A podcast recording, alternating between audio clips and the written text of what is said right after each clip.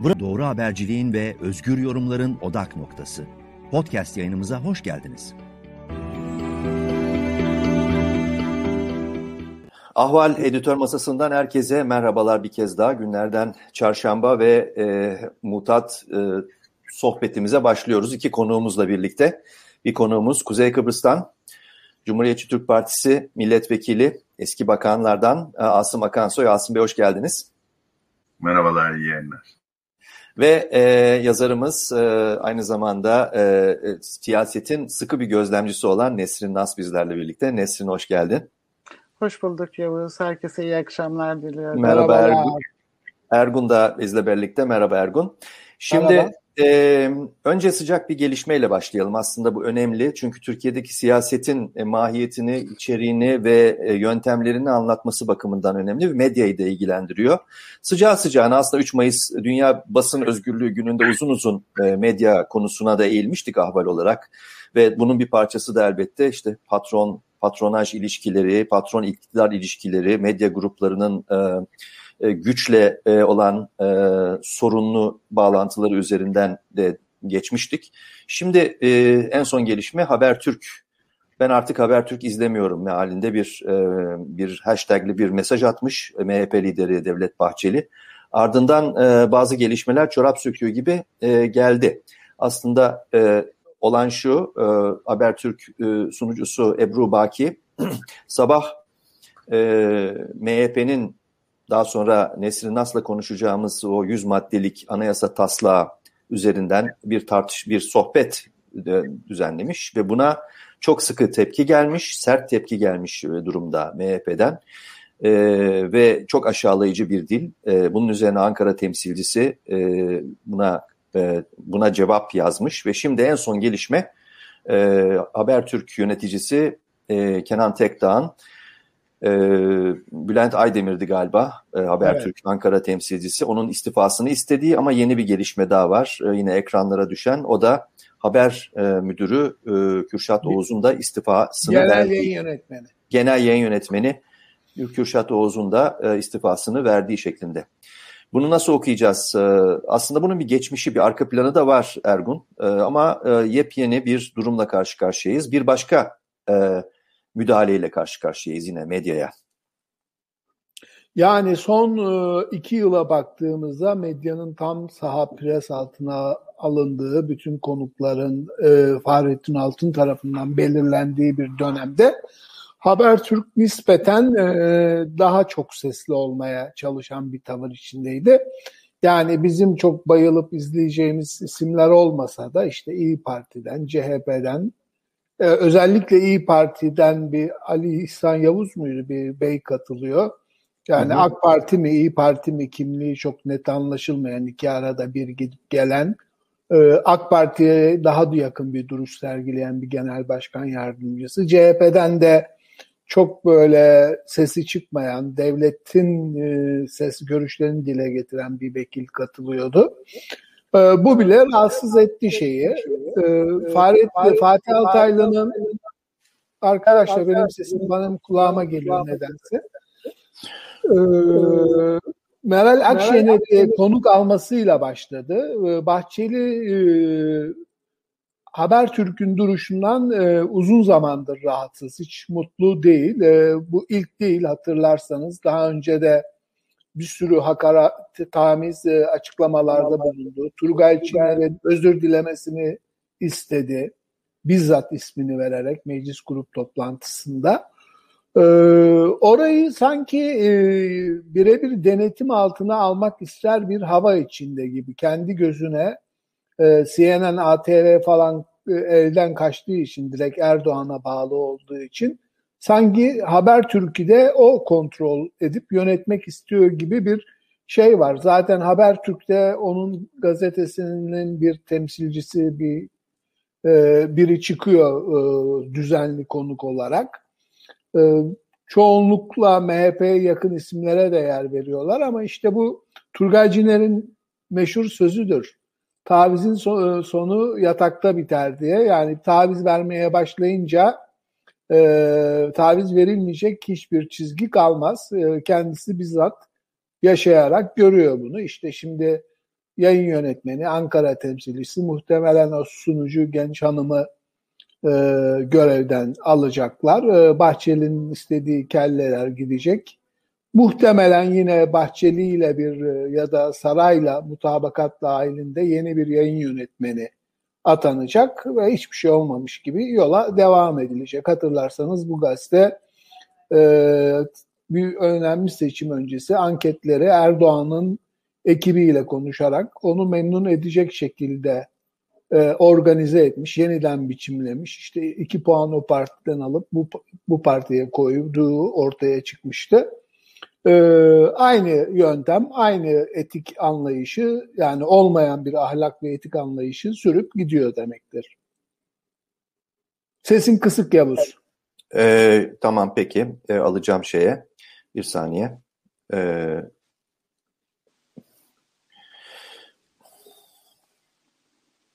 e, geliyor mu şu anda sesim? Geliyor. Geliyor. Ee, evet yani şu ona bakıyordum ben de şimdi son gelişmeler nedir diye. Herhangi bir yeni gelişme yok ama e, MHP'nin hazırladığı bu anayasa taslağını e, işte tartışan programın ardından İzzet Ulvi Yönter, MHP Genel Başkan Yardımcısı şunu söylüyor. Konuklarını MHP düşmanları arasından seçmesi tam bir kokuşmuşluktur diyor. E, bunun üzerine e, e, işte MHP'ye tahammülsüzlüğünü ifade ifşa eden, alaycı gülümsemesiyle gerçekleri çarpıtan Ebru Baki için söylüyor bunu. Sözde bir gazetecidir diyor. Konuklarını MHP düşmanları arasından seçmiştir diyor. Ama Bülent Aydemir de tabii gazeteci e, sıfatıyla söylenmesi gerekeni söylüyor cevaben. Siz kimsiniz diye cevap veriyor. Hangi ölçü ve yüzle MHP ve Sayın Genel Başkanımızı e, pardon yanlış söyledim. Yönter'in açıklamasını aynen iade ettiğini söylüyor. Arkasından da e, işte MHP'den de buna bir cevap geliyor. E, nasıl bizi özür dilemeye davet edersiniz diyor. Yani açıkça meydan okuyorlar. Aslında senin de söylediğin gibi Ergun e, özetleyecek olursak burada bir kez daha gezi olayları sırasında bunu yaşamıştık. Büyük medya kuruluşlarına doğrudan doğruya müdahaleyi, editoryal e, müdahaleyi bu bu daha açık, daha seçik bir şey. Ve e, aslında burada e, rahatsız edici olan şey e, belki de beklendiği gibi aslında e, Habertürk yöneticisi Kenan Tekdağ'ın e, cevap vermek yerine MHP'ye e, Bülent Aydemir'in istifasını istemesi. Yani korumaması, ekibini korumaması. Senin de söylediğin gibi bu Habertürk için e, işte bu geri adım aslında yepyeni e, iktidar yanlısı atamalarla devam edecek demektir. Birazcık bir şey daha biraz dengeli bir yayıncılık Efendim. Bir şey, bir şey söyleyebilir miyim? Şimdi Gezi dönemini örnek verdim. Evet. Gezi döneminde e, bayağı bir bayağı özgür, bayağı bir bayağı özgürdü özgür basında diyebilirim. Şimdi benim sesim de tekrar bana geliyor. Evet, evet. Bir bir yankı bir bir yankı var bir yerden. Ee, ona ona geleceğiz. Mümkün mü? Ha, hayır, şu Yavuz senden kaynaklanıyor galiba. Sen gibi daha sessiz aldım. Ben çıkıp bir daha gireyim o zaman. Öyle mi yapayım? Evet Nesrin seni dinliyorum. Ee, Aa, ben çıkıyorum tekrar geliyorum. Şimdi tamamen farklı bir dönemdeyiz artık. Yani böyle arada kalma, biraz tarafsız görünme gibi bir çabaya dahi tahammülün olmadığı bir dönemdeyiz. Yani şimdi artık eğer sen MHP'nin yanındaysan MHP'nin yanında duracaksın. Kesinlikle ona tabi olacaksın. Hiçbir konuğunu, hiçbir kelimeni, hiçbir sözünü ona sormadan ve onun izni olmadan söylemeyeceksin. Bu AK Parti'nin de, de denetlediği gazeteler ve e, şeyler, televizyonlar için de böyle. Yani ortada görünme gibi, biraz tarafsız olma kaygısı gibi bir şey güdemezsin.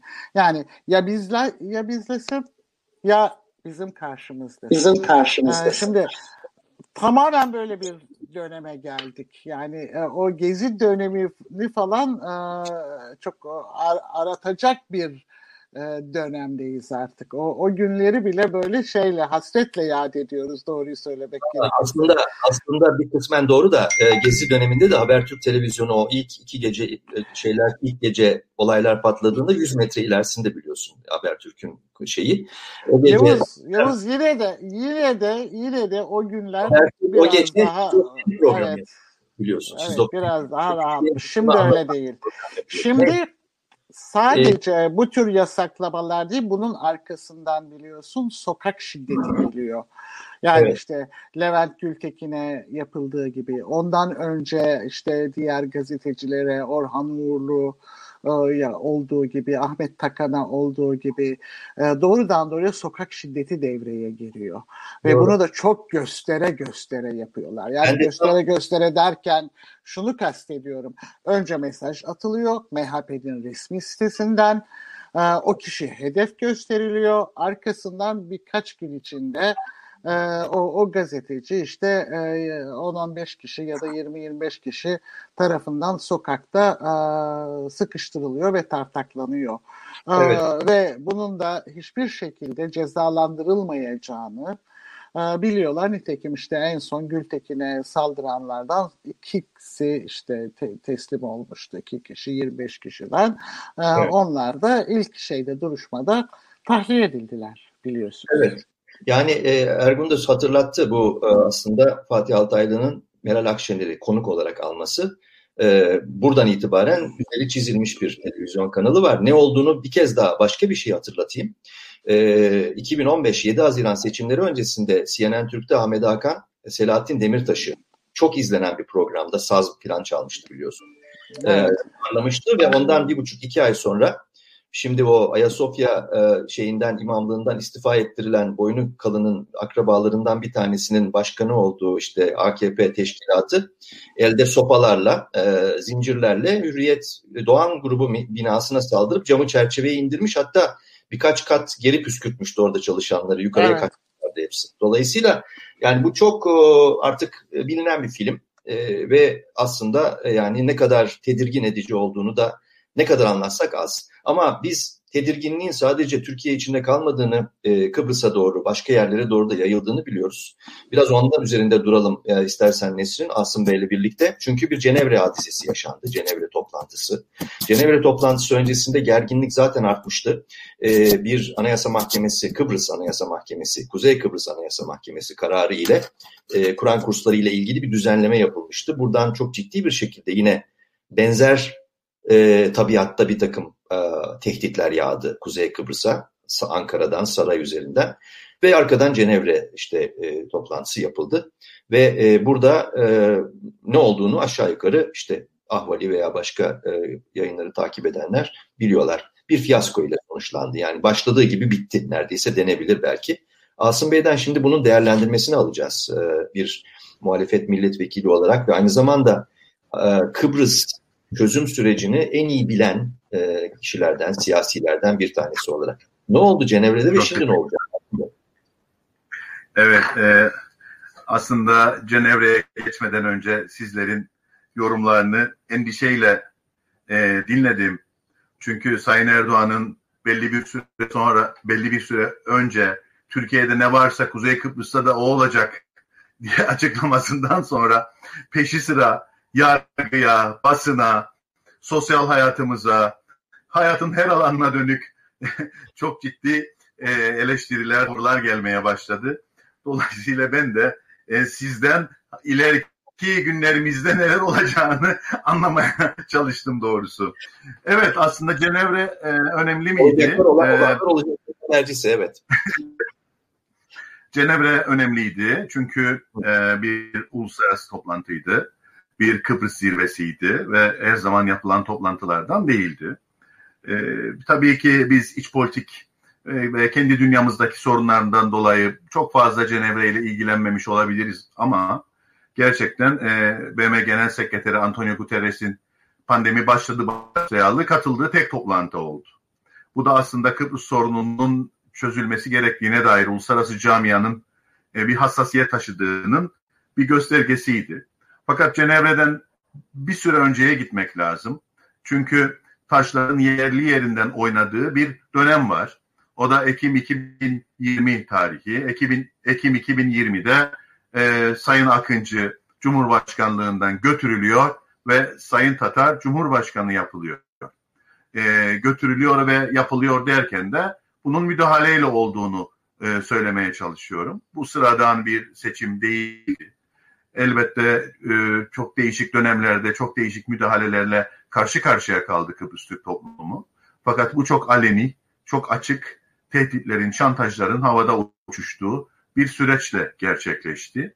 Eğer bunlar olmasaydı ne olurdu diye soracak olur iseniz, eğer bunlar olmasaydı e, ikinci tura Sayın Akıncı ile birlikte e, CTP'nin genel başkanı Sayın Erhürman kalacaktı. Dolayısıyla iki federalist ikinci turda yarışacaktı.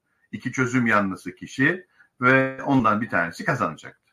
Fakat e, dengeler o denli alt üst edildi ki, o denli büyük bir çılgınlıkla karşı karşıya kaldık ki Sayın Akıncı Cumhurbaşkanı yapıldı. Ardından bugüne kadar izlenen tüm siyasi e, yaklaşımlarımız çöpe atılarak yeni söylemler geliştirilmeye başlandı. Artık dendi Kıbrıs sorunu toplumlar arası bir sorun değildir. Artık Kıbrıs sorunu devletler arası bir sorundur. Ve biz e, bundan sonra bir devlet olarak herhangi bir masaya otururuz. Bu söylem tabii bizi 1990'lara götürüyor. Çünkü Sayın e, rahmetli Denktaş da 93'lerde, 94'lerde bu yönde bir e, deklarasyon yayınlamıştı. Ve o dönemde ben artık Cumhurbaşkanıyım. Eğer Sayın Kleridis benimle görüşürse bir devlet başkanı olarak görüşecek. Toplumlar arası görüşmeler bitmiştir diye bir açıklama yapmıştı.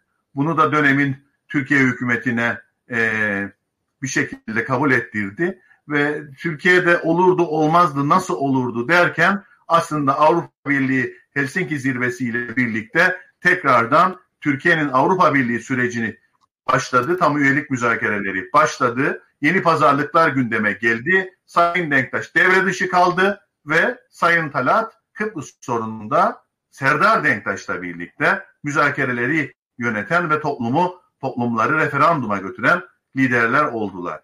Çok ilginçtir. 93'teki bu yaşanan e, senaryo aynen sanki bu dönemde tekrardan kurgulanıyormuş gibi bizim önümüze çıktı.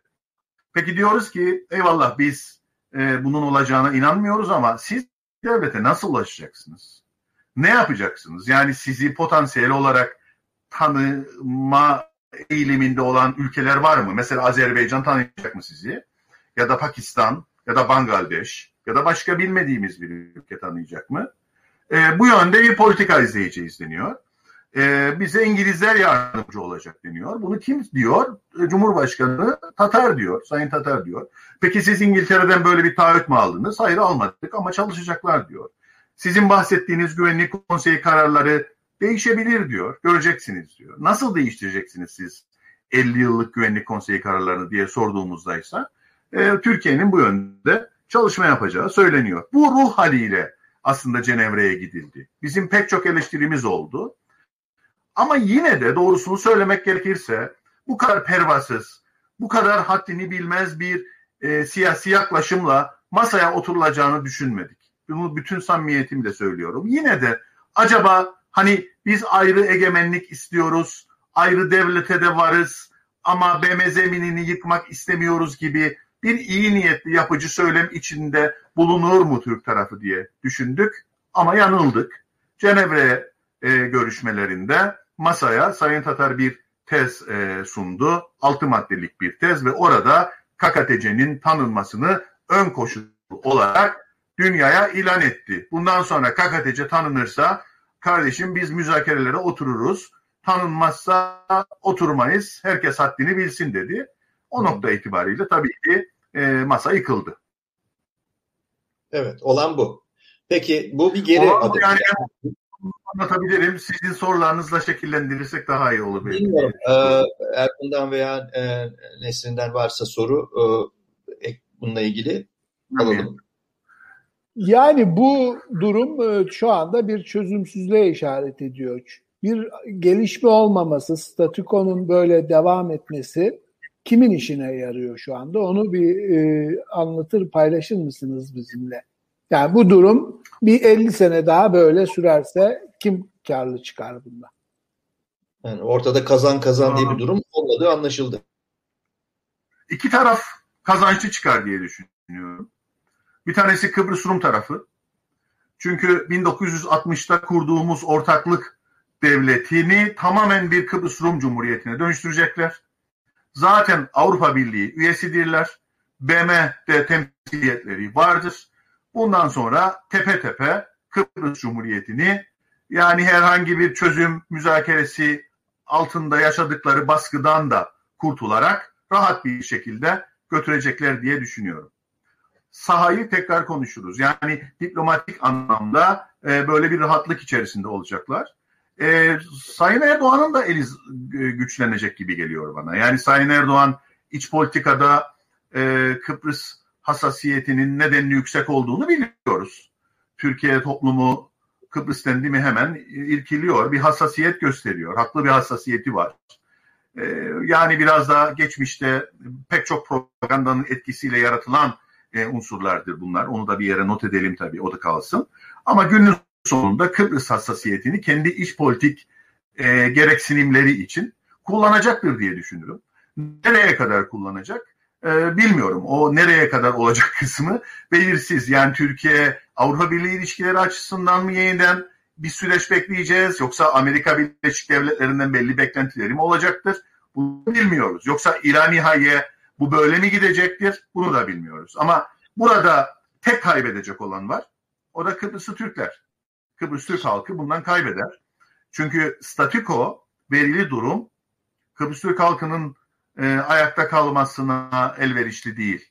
Kıbrıs Türk halkı bu şartlarda kendi kendini yönetip kendi ekonomik imkanlarını geliştirip e, varlığını sürdüremez.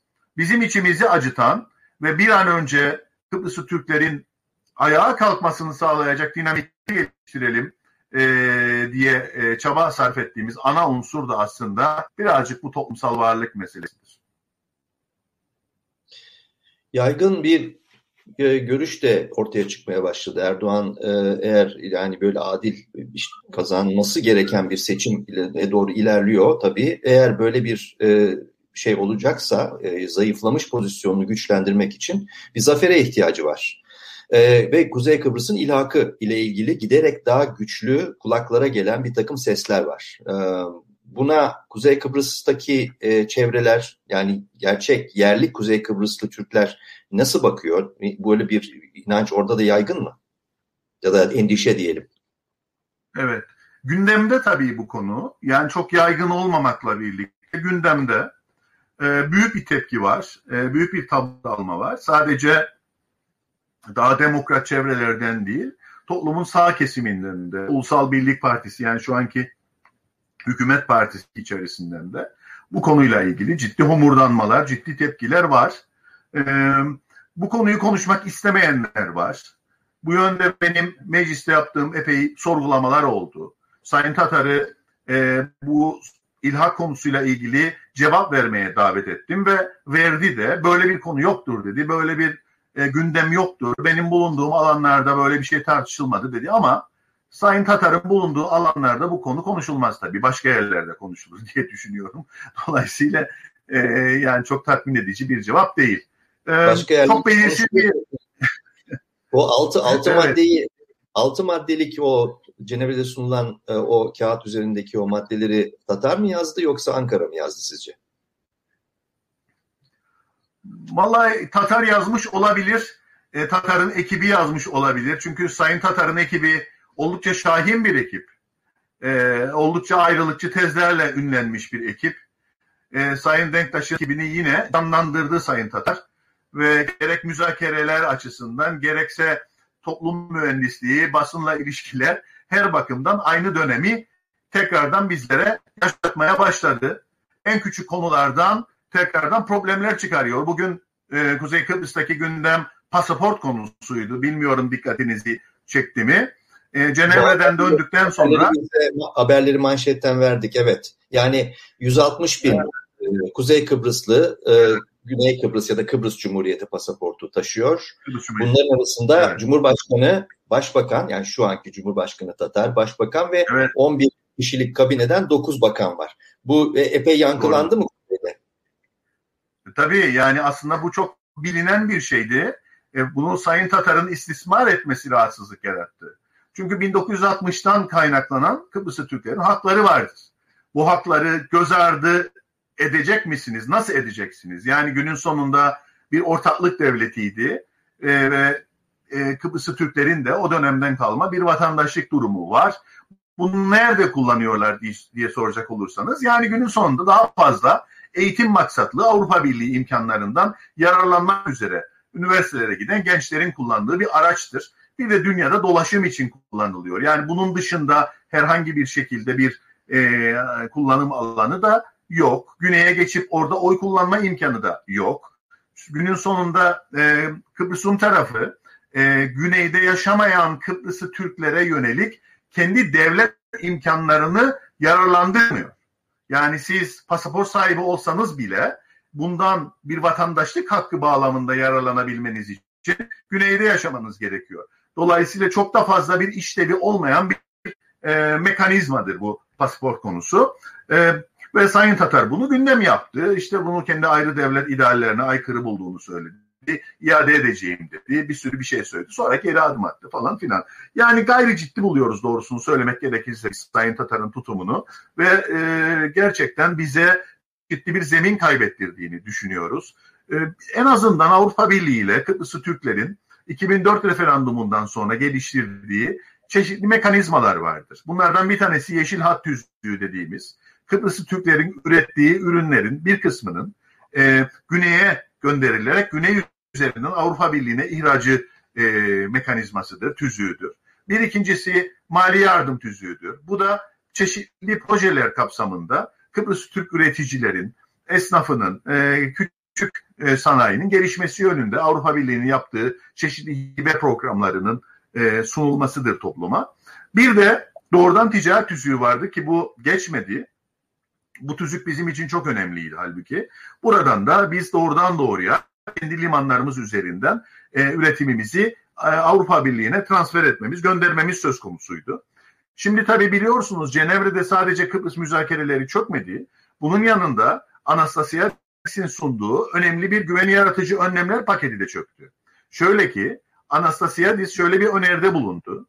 Maraş karşılığında Mausa Limanı'nın yani Kuzey Kıbrıs'taki Mausa Limanı'nın, KKTC egemenliğindeki Mausa Limanı'nın Avrupa Birliği koordinasyonu altında Kıbrıs'ı Türklerin üretimlerinin Avrupa'ya serbest ihracatını sağlayalım dedi. İkincisi de e, Kuzey Kıbrıs'taki e, Ercan Havalimanı'nın uluslararası uçuşlara açılmasını sağlayalım. Ancak bu da BM koordinasyonu altında olsun dedi. Bunu tartışma e, tercihinde bulunmadı Sayın Tatar ve Sayın Çavuşoğlu ve elinin tersiyle itti. Halbuki düşündüğünüzde yani Kuzey Kıbrıs'ta ya da Kıbrıs'ta bir çözüm kısa vadede olmasa bile aslında bu ve benzeri e, ara hamlelerle toplumun e, daha da gelişmesini ekonomik, sosyal, siyasal e, bağlamda sağlayacak e, önemli e, e, alanlardır bunlar diye düşünüyorum. Ancak bu da elimizin tersiyle itildi. E, ve eldeki kazanımların hepsi kayboldu bir anda avuçtan kum, evet. kum gibi kaydı gitti. Evet. Olan bu. Asım Bey evet, ayrılmayın. E, İlhan Tanır da katılacak. Ona galiba bir iki onun da sorusu olacak size ama biz iç politikayla devam edelim. E, umarım ayrılmazsınız. Belki e, siz de birkaç, birkaç bir şey söylemek istersiniz. Biz biraz şimdi e, iç politikaya girelim e, ve e, Bahçeli'nin e, Anayasa Mahkemesi, anayasa ile ilgili yapmış olduğu 100 maddelik taslak üzerinden e, içinde tabii Anayasa Mahkemesi'nin e, bir şekilde işlevsizleştirilme e, bir bir şey de var, bir niyet, bir bir e, öneri de var. Bunların hepsini konuşalım. E, e Ergun'la birlikte bu e, sohbeti yürütelim e, Nesrin Nas'la birlikte.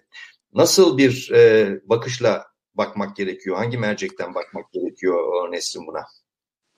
Şimdi Yavuz önce e, şu Kıbrıs'la ilgili bir şey söylemek istiyorum. Özellikle evet. Türkiye'nin ilhakı meselesi konusunda bir şey söylemek istiyorum.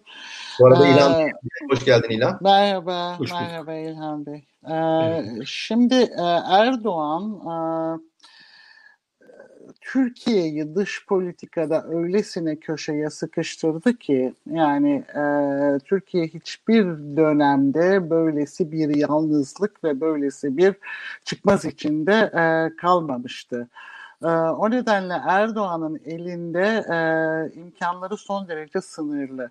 İşte bugün Mısır'da başlayan şeyi de biliyorsunuz. E, işte görüşmelerin başladığı e, yani istikşafi görüşmelere başlamak için yapılan ön görüşmeler.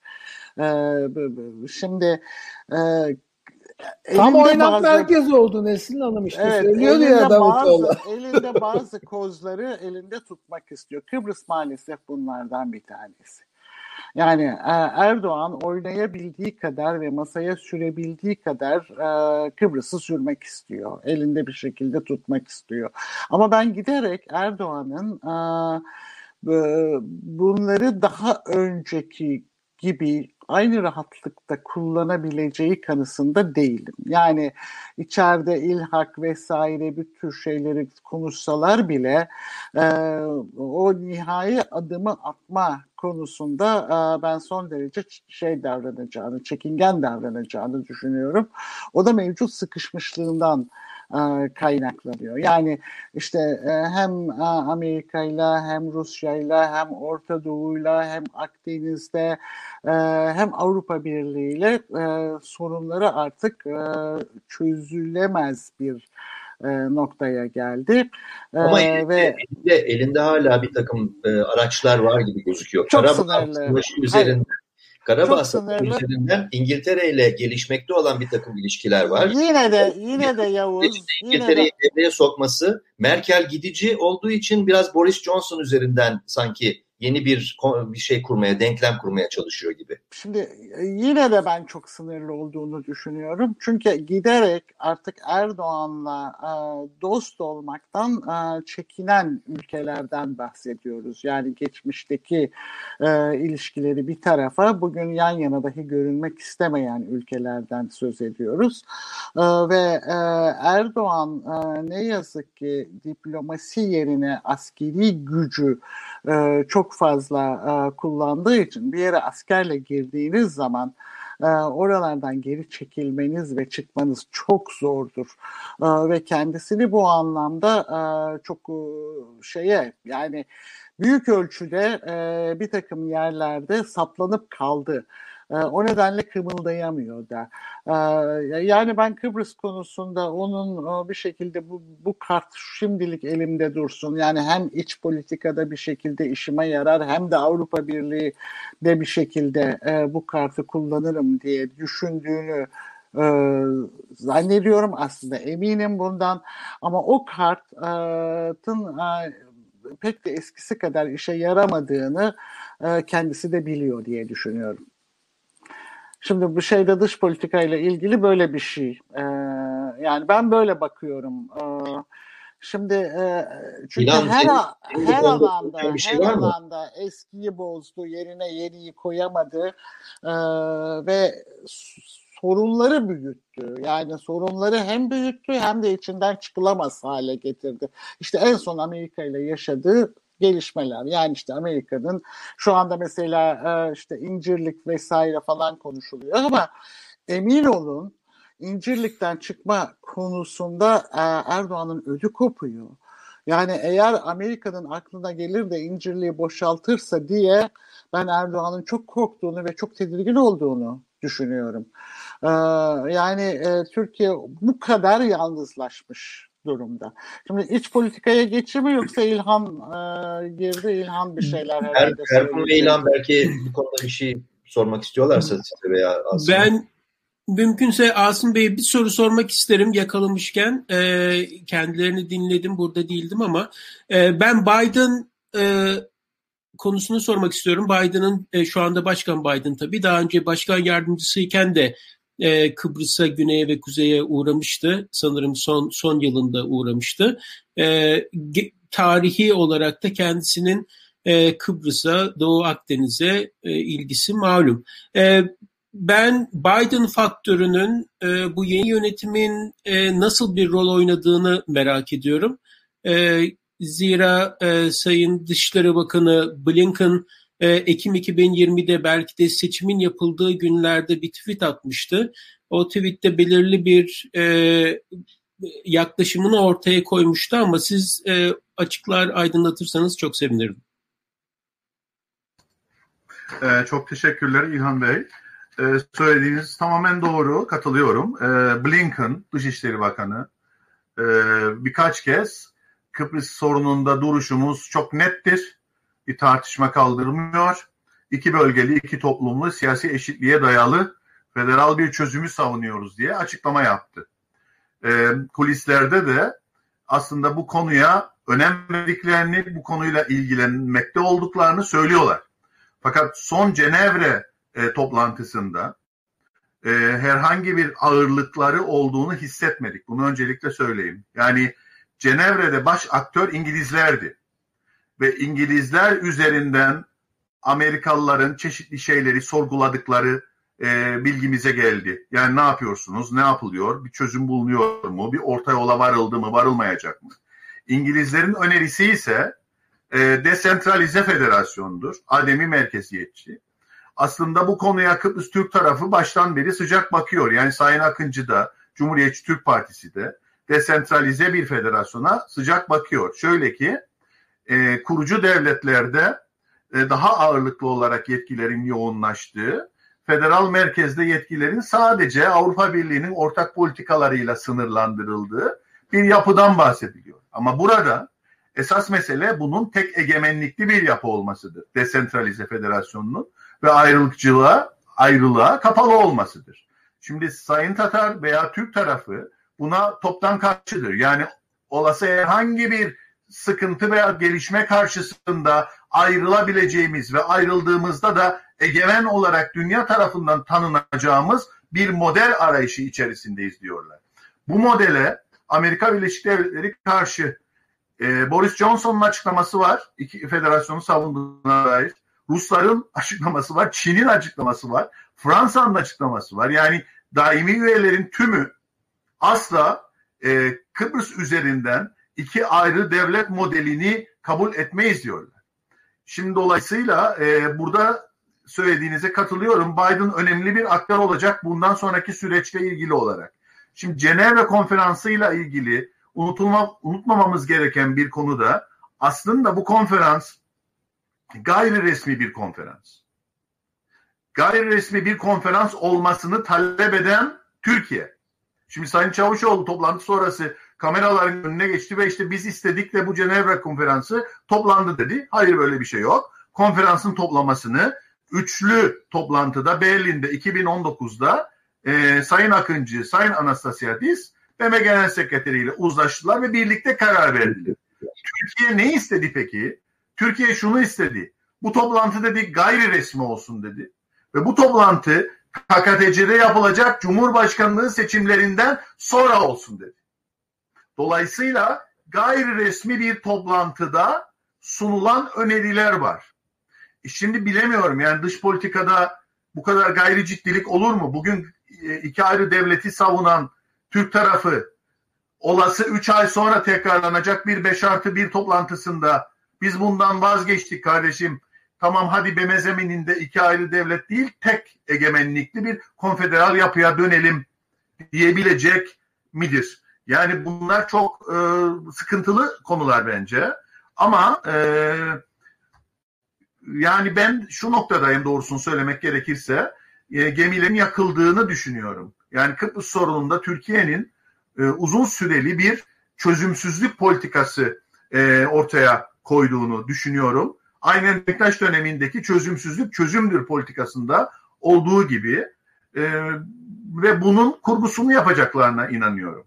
Ha Biden e, ekstra bir hamle yapar mı? Nasıl devreye girebilirler? Antonio Guterres'in bu yönde yaptığı çok ciddi hatalar oldu. Çok ciddi hatalar oldu. Hem e, bu konuda atadığı bir bayan vardır. Bayan Lut isminde. E, ilk ismini hatırlayamadım. E, onun oldukça acemice, oldukça sıfırdan başlayan, süreçleri, toplumları, sosyolojiyi, tarihi bilmeyen, böyle dışarıdan gelip de ne yapacağız sizi, nasıl bir çözüm bulacağız gibi sürekli yaptığı görüşmelerle aslında süreci birazcık da e, yozlaştıran tavırları bizi artık şey noktasına, tepki noktasına getiriyor. Yani BM de bu sürecin ciddiyetle ele alınması konusunda kendi kurumsal hafızasının dışında hareket etmeye başladı. Yani her gelen BMW kabinesi sıfırdan başlayarak nedir sizin sorununuz diye sorularla Kıbrıs'a geliyor. Şimdi böyle bir gayri ciddi durum olmaz. Yani gerçekten Kıbrıs'ta sorun e, yozlaştı diye düşünüyorum. Yani ciddi anlamda kan, kan kaybediyor bu süreç ve e, ileride nasıl olur da bu toplumlar yeniden e, yeni bir iradeyle, yeni bir dinamizmle, heyecanla e, çözüme evrilirler.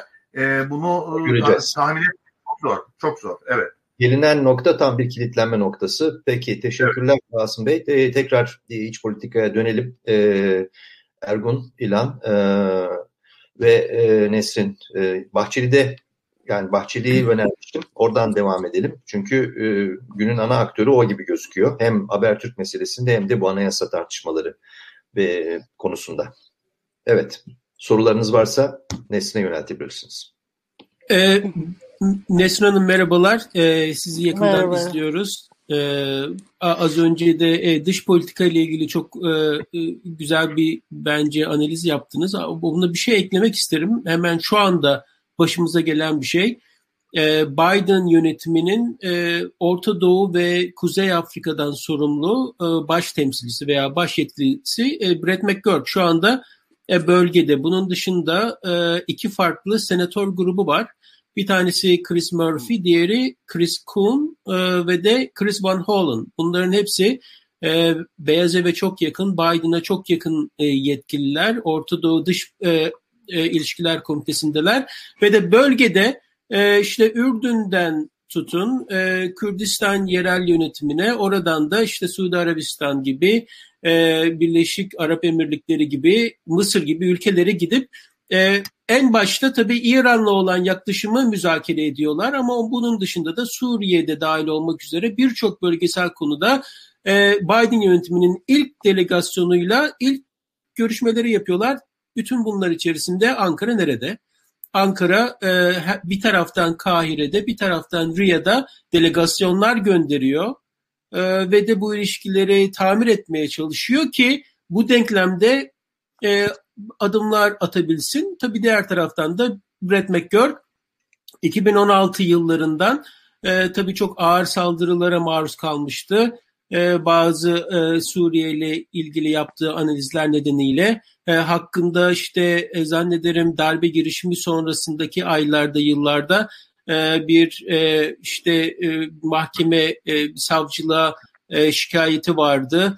E, Türkiye'de aranıyor mu aranmıyor mu belli değil ama zaten Yeni Şafak ya birçok e, hükümete yakın medya grubu çok ağır hakaretlerle bu yetkiliye yıllarca saldırdılar ve az önce de e, milletvekilimiz e, Asım Bey'den dinlerken Kıbrıs müzakerenin bir taraftan on, aklıma gelen oydu. 2013, 14, 15, 16, 17 yıllarında böyle miras yedi gibi e, bu bu ülkelerle on yıllardır yapılmış kurumsallaşmış ilişkilerin üstüne e, kibrit suyu döküldü. Çok ağır bir şekilde hakaret edildi.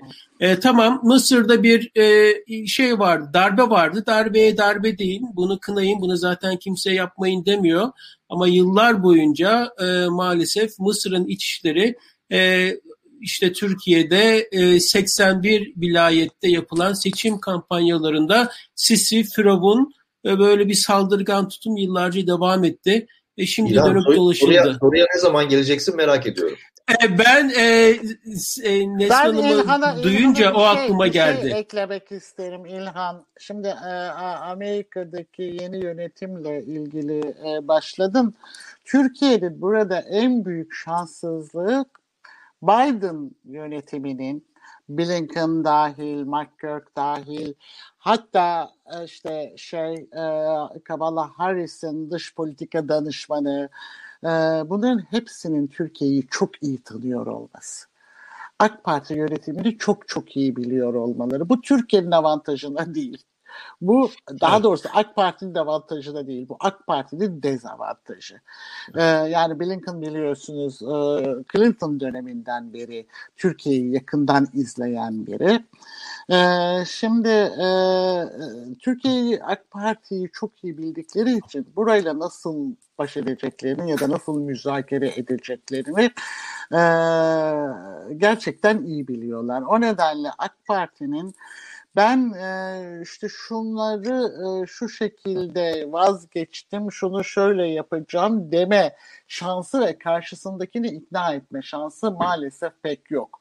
Yani hakikaten önce yapması gerekiyor. Yani sözle e, gidebileceği bir yer yok. E, yani o nedenle önce adımları atması gerekiyor ki e, bir şekilde e, o, o şeyde masada kendine bir yer bulabilsin. E, söylediklerine katılıyorum. Yani dış politikada işte e, A'dan Z'ye her tarafı fena halde dağıtıverdi. E, şimdi de hiçbirini toparlayamıyor. Mesela Mısır'la biliyorsunuz bir yakınlaşmada Mısır 10 maddelik koşul masaya koydu.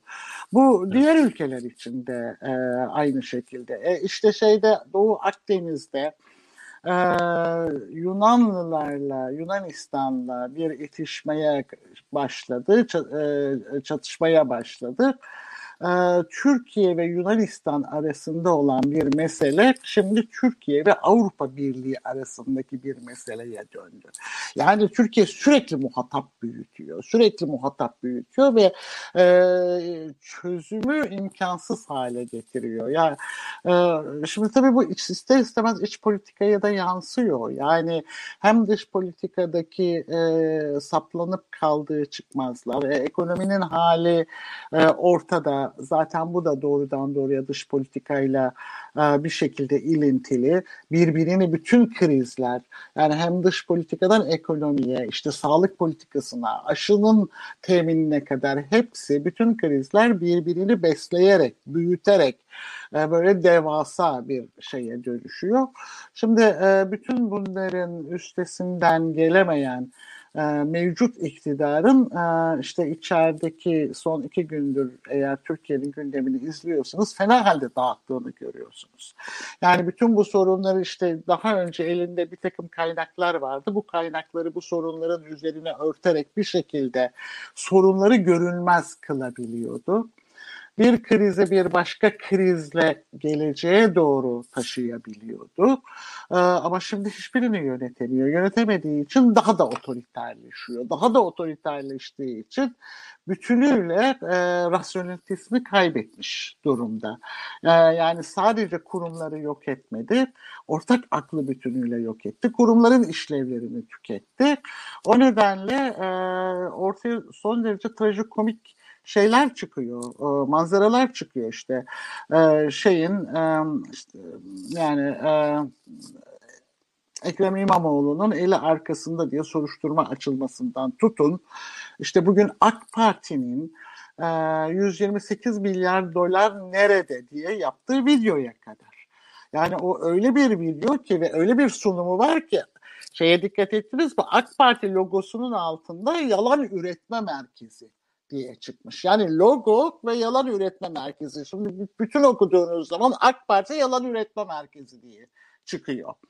Ee, ve o videonun içine baktığınız zaman, o animasyonun içine baktığınız zaman aslında bu son işte bir haftadır falan işte bu kapanma, desteksiz kapatma vesaire işte o mu yasak hangi gün sokağa çıkılır tarak alabilir miyiz alamaz mıyız şampuan almak serbest mi değil mi tartışmaları içinde biraz böyle arka planda kalmış olan 128 milyar dolar yeniden pat AK Parti'nin kendisi sayesinde gündemin merkezine oturdu.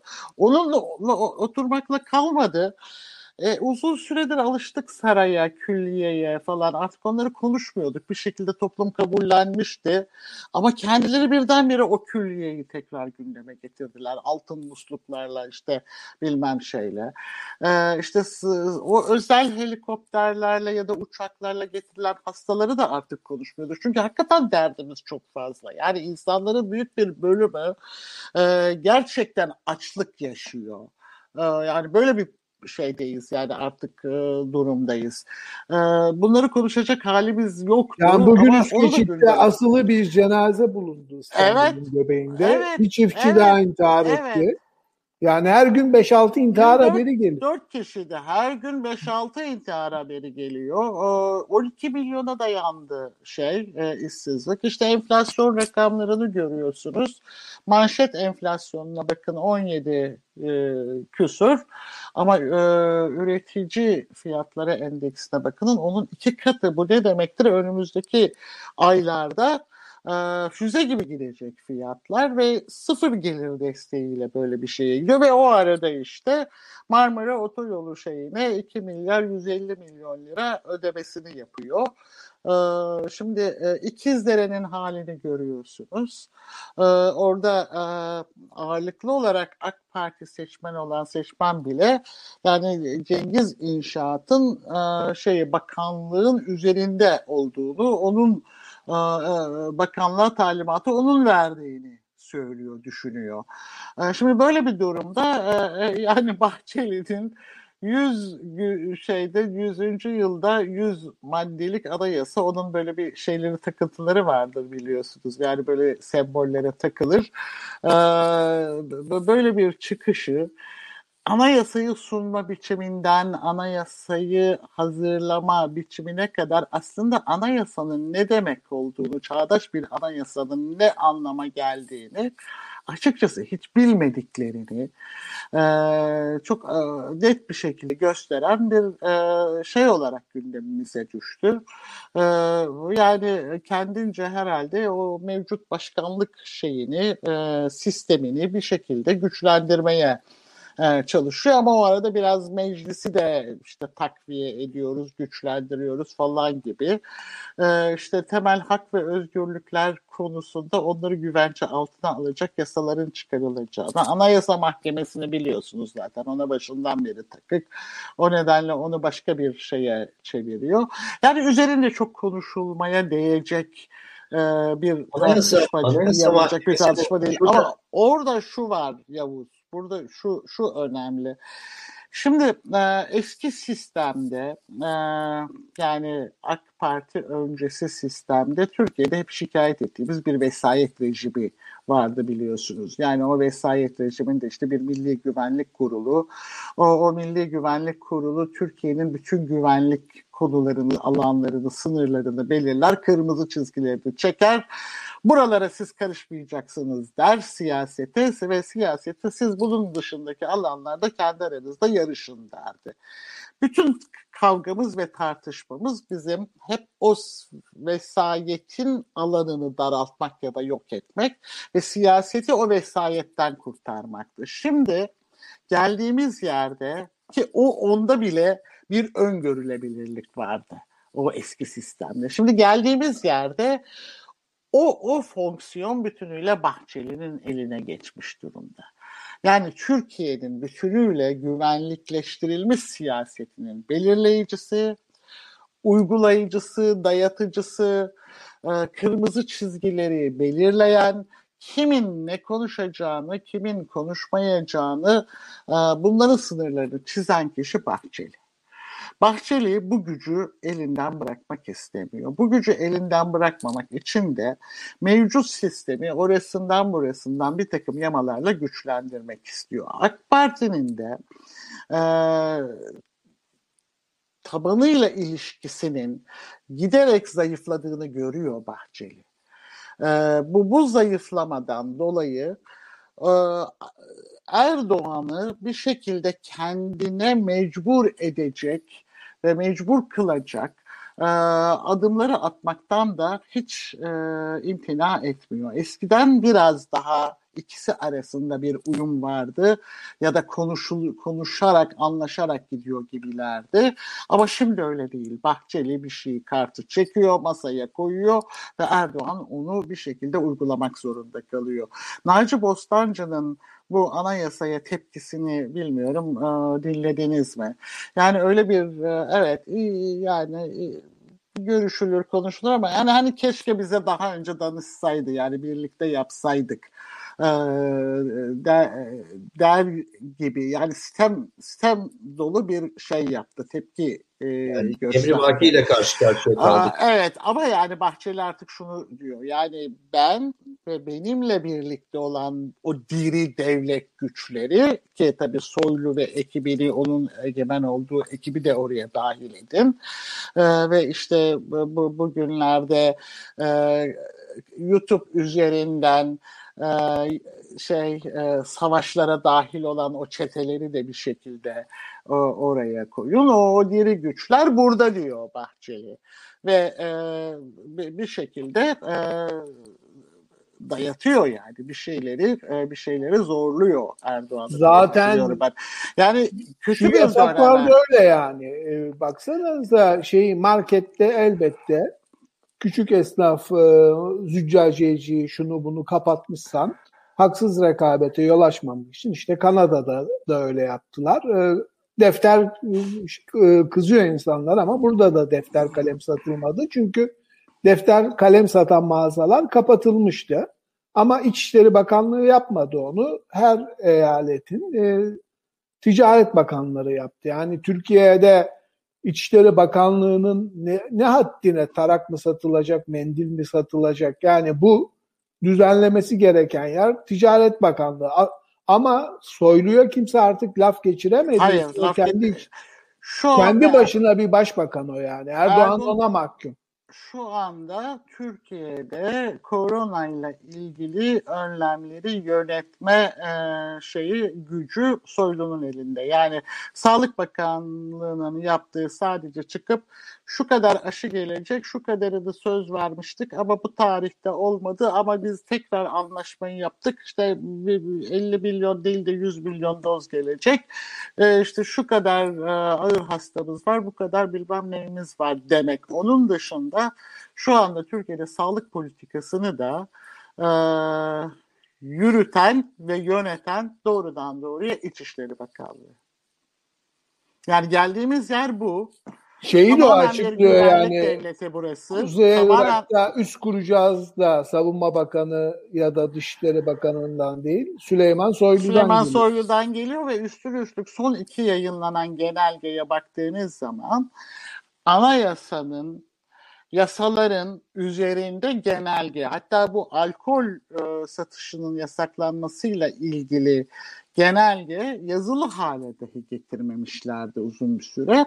E, sözlü e, yani bugün işte bir e, şeyin esnafın şeyi vardı alkol sattığım için beni aldılar karakola götürdüler işte ama nasıl bir işlem yapacaklarını bilmedikleri için uzun süre e, işte İçişleri Bakanı'nın demecini aradılar e, diye şey vermişti, e, demeç vermişti. Yani şimdi Bahçeli bütün bunların üzerinde oturuyor ve yani elindeki o şeyi kozu eline geçirmenin rahatlığıyla işte anayasayı da masaya koyuyor medyanın özgürlüğünü de e, özgürlüğünü demeyeyim olmayan özgürlüğü ama can güvenliğini diyeyim artık yani medyanın mensuplarının can güvenliğini de masaya sürüyor.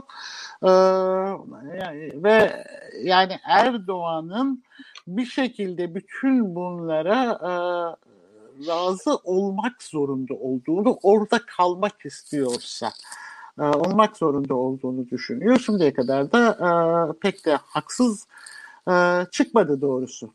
Şimdi çizmiş olduğun Soylu portresi şunu mu söylemeli bize? Yani bir zirve figürü mü Soylu yoksa e, yani üstünde başka Bahçeli mi var? Ona ona bir şeyleri dikte ettirten, yol gösteren, Soylu tek başına yani Mehmet Ağar daha çok ben eğer öyle değilse e, ya da öyleyse burada Soylu zirve figürü olarak söylemiyorum. Soylu, Soylu hangi kesimi temsil ediyor şu anda? Eğer Erdoğan'la bir şey varsa, bir, bir karşı karşıya gelme durumu varsa devlet içerisinde. Yani Soylu hangi kesimi temsil ediyor son derece açık burada. Yani Soylu bir şekilde Bahçeli, Ağar e, ve işte onlara yaslanan bir ayağı Azerbaycan'a kadar ulaşan, işte bir ayağı başka yerlere kadar ulaşan o, o ekipleri temsil ediyorlar. Yani e, biz buna bir, bir anlamda kartel devlet diyorduk. Yani burada çok ciddi bir şekilde kamunun elinde olan kaynakları bütünüyle emen e, bu kaynakların tükenme aşamasında artık özel hayatları düzenlemeye bir süre sonra da özeldeki kaynakları da bir şekilde alıp başka bir yere e, aktarmaya e, göre kurgulanmış bir e, mekanizmadan bahsediyoruz. Bu bütün yani geçmişte tarihte de bu böyle olmuş. İşte başka ülkelerde de bu tür rejimler e, böyle yaşamışlar, böyle ayakta kalmışlar, böyle beslenmişler. Beslenme damarları e, kesildiği zaman o zaman e, birbirinin üzerine yıkılmışlar.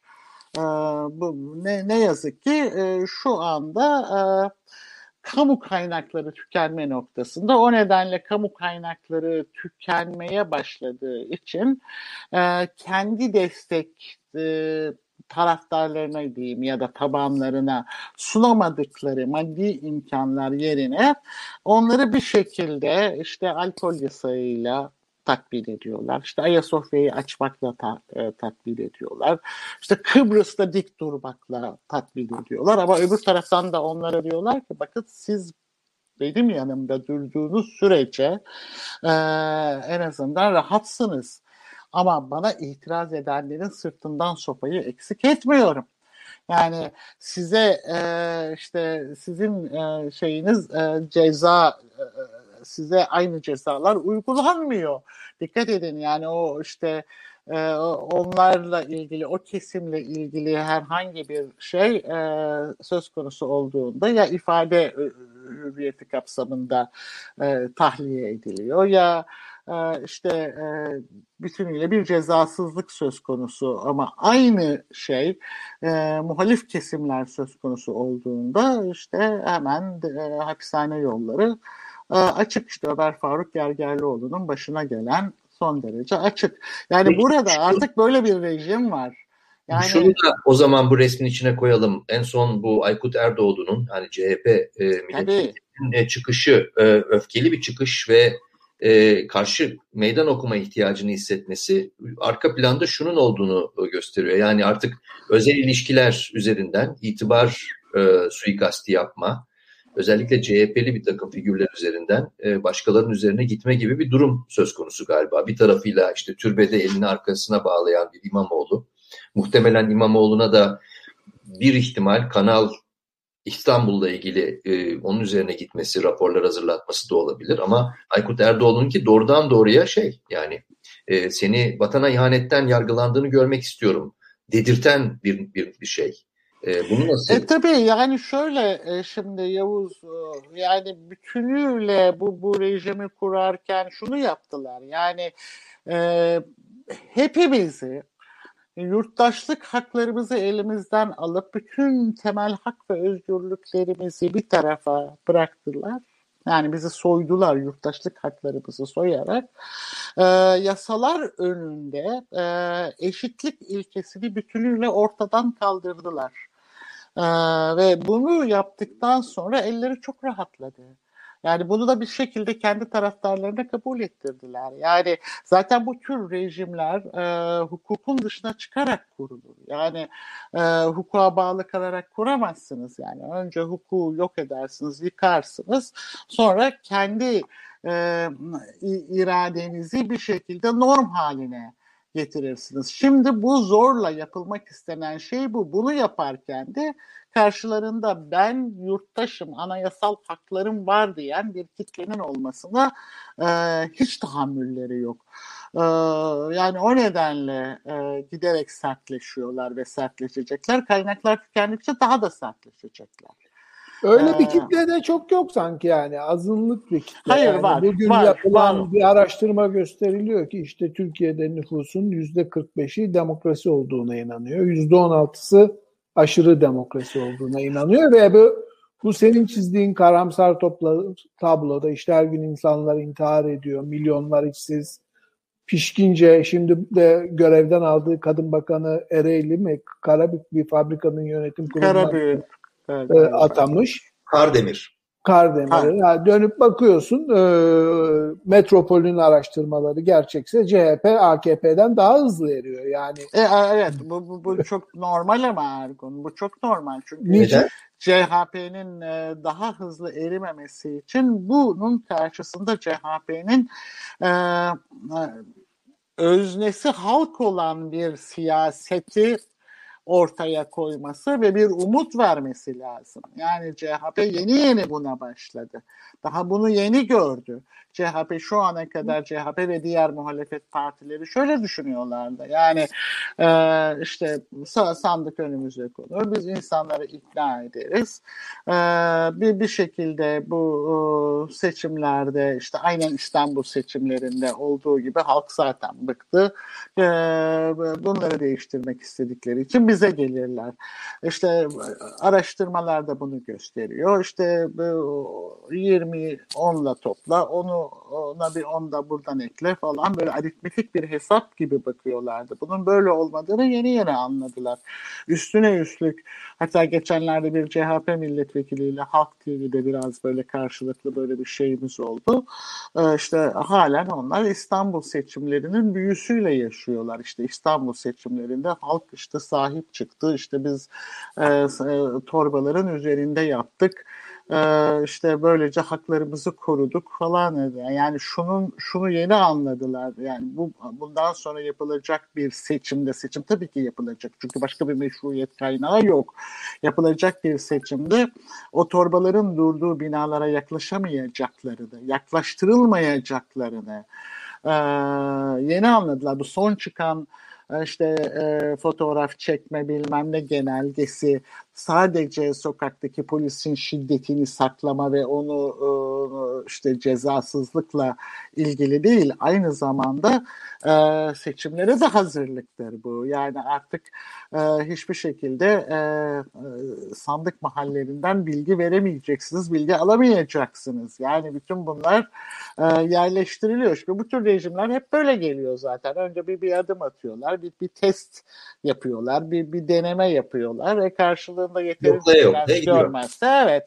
Şimdi tabii ki yani CHP ve diğer muhalefet partileri e, bir arada e, ortak bir ve demokrasi platformu ve öznesi halk olan bir muhalefeti e, şey yapmadıkça e, ikna edici bir şekilde ortaya koyup da halkı buna ikna etmedikçe e, onlar da eriyecektir.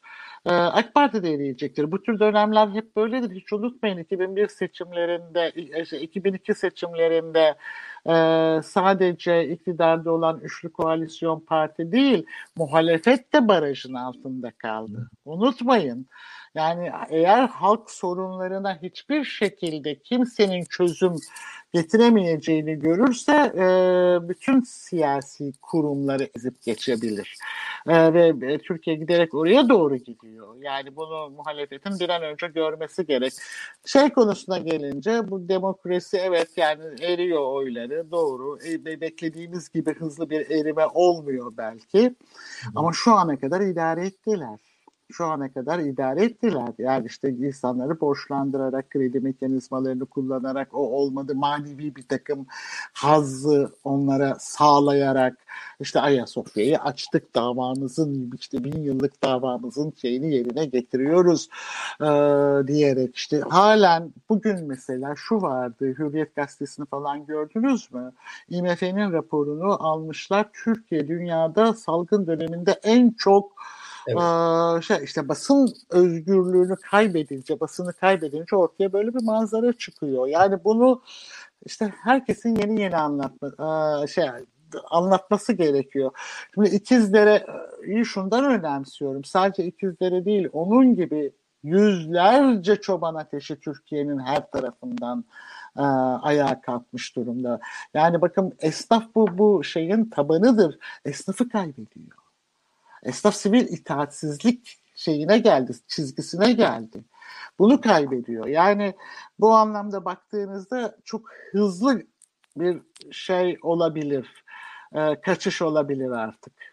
Ama kamuoyu araştırmaları Metropol Konda, onlar ikisi üzerine duralım. Kaç aydır yani rapor yayınlıyorlar ve her seferinde muhalefet bloğunun bir şekilde bir kazanım sağlayamadığı her seferinde bir kere daha ilan edilmiş oluyor. Kaç tane daha böyle kamu araştırması yayınlanması lazım ki ana muhalefet partisi hay Allah bizde bir problem var galiba demeye başlasın mesela veyahut işte muhalefet bloğu. 5-6 e, tane daha mı yayınlanması lazım yani? 5-6 tane daha değil ama herhalde bizlerin çok konuşması gerekiyor. Yani şimdi bu, bugün mesela bir şey uh, Ice Bucket Challenge uh, var bir şey başlattılar. Geldi bir yerde tıkandı biliyorsunuz. Yani oysa o topu alıp büyütebilirlerdi. O topu alıp bütün sivil toplumu da buna dahil ederek inanılmaz bir şeye dönüştürebilirlerdi. Umarım e, yarın bıraktıkları yerden devam ederler. Ama bu iş şöyle yani e, bu işin üstesinden bence toplumsal muhalefetin geleceğini düşünüyorum ben artık. Yani iş artık siyasi partilere bırakılmayacak kadar ciddi bir noktaya geldi. Evet ama toplumsal muhalefeti nefes aldırmayacak bir e, sert mekanizma kurulmuş vaziyette yani ortada. Ne yapalım? Yavuz. Evet. Ergun? Yani e, şimdi e, seçimde bunları yapacaklar. Türkiye'nin yarına ben onu yazdım. Tek umudu Biden. Yani Amerika elinde bir e, leverage varsa onu kullanma konusunda kararlı bir başkana sahip. Mesela Salvador'da e, anladığım kadarıyla başkanın e, antidemokratik bir şekilde görevde kalmaya devam ediyor Türkiye'de olduğu gibi. Ve bir takım yaptırımlar uyguluyor Amerikan yönetimi, Dışişleri Bakanlığı işte mal varlığına tedbir falan ama muhtemelen e, yurt dışında pek mal varlığı olmadığı için e, ciddiye almıyor. Erdoğan'ın konumu öyle değil. Yani e, o yüzden e, Haziran'daki e, NATO zirvesi ve Biden'ın orada demokrasi ve insan hakları konusunda vereceği mesajlar önemli. Ama Türkiye her şeye rağmen senin dediğin gibi bir seçim ortamına giderse e, Erdoğan e, ne yapabilir? Yani e, onu görmek lazım. Göze alabilir mi? Çünkü biliyoruz ki kendisinin ve ailesinin mal, mal varlığı konusunda çok hassas ve endişe sahibi. İşte Ermeni soykırımı tasarısında sadece Türkiye'nin içinde bulunduğu ekonomik kriz değil, kendisinin ve ailesinin yakın geleceği hakkında duyduğu kaygılar da e, etkili olduğu gibi anlaşılıyor. Çok alttan alan, e, neredeyse teşekkür edecek bir noktaya gelmiş bir Erdoğan izledik. E, Türkiye'nin işte 60 yıldır, 70 yıldır lobilerle büyük paralar harcayarak engellemeye çalıştığı bir karar çıktı ve Türkiye bir tepki gösteremedi Erdoğan yönetimi. Daha çok gazetecilere, kimi köşe yazarlarına yaptırdı bunu. Ee, Biden bu silahı kullanacak mı Erdoğan'a karşı? Bir. İkincisi görülüyor ki senin anlattığın tablodan Türkiye e, hangi parti iktidara gelirse gelsin ki bu tablodan güçlü bir iktidar yapısı çıkmayacağı görülüyor. Kürtlerin desteğine e, bağlı olacak ve o da pamuk ipliğine dayalı bir destek olacak olursa Millet İttifakı'na. E, IMF'e gitmek zorundalar. Yani IMF olmadan Türkiye ekonomisinin düze çıkması mümkün değil. Hatta IMF artı Avrupa Birliği karışımı bir paket lazım Türkiye'ye ama e, kuralları sıkışınca tanzimattan beri uygulayan, eli rahatlayınca tam tersine dönmekte hiç beis görmeyen bir ülkeye artık bunu yaparlar mı? Yani o da bir soru işareti. Yaparlarsa da sadece anayasasına, iç hukukuna bağlı olarak mı yaparlar yoksa uluslararası bir takım e, yaptırım hükümleri koyarlar mı böyle bir yardım paketine? Bunları görmemiz gerekiyor. E, elbette kimse Türkiye'nin tamamen büyük bir ekonomik çöküntü içine girip e, yerle eksan olmasını istemez. E, görüyoruz zaten Amerika bir yandan Türkiye ile ilişkilerini gererken işte İlhan'ın söylediği gibi bölge ziyaretinde Türkiye'yi devre dışı bırakırken anlaşılıyor ki Irak ve Kürt, e, Irak Kürdistan yönetimi bölgesiyle anlaşarak e, PKK'nın Kandil'deki varlığını Türkiye ile birlikte bitirmek için e, büyük bir uğraş veriyor.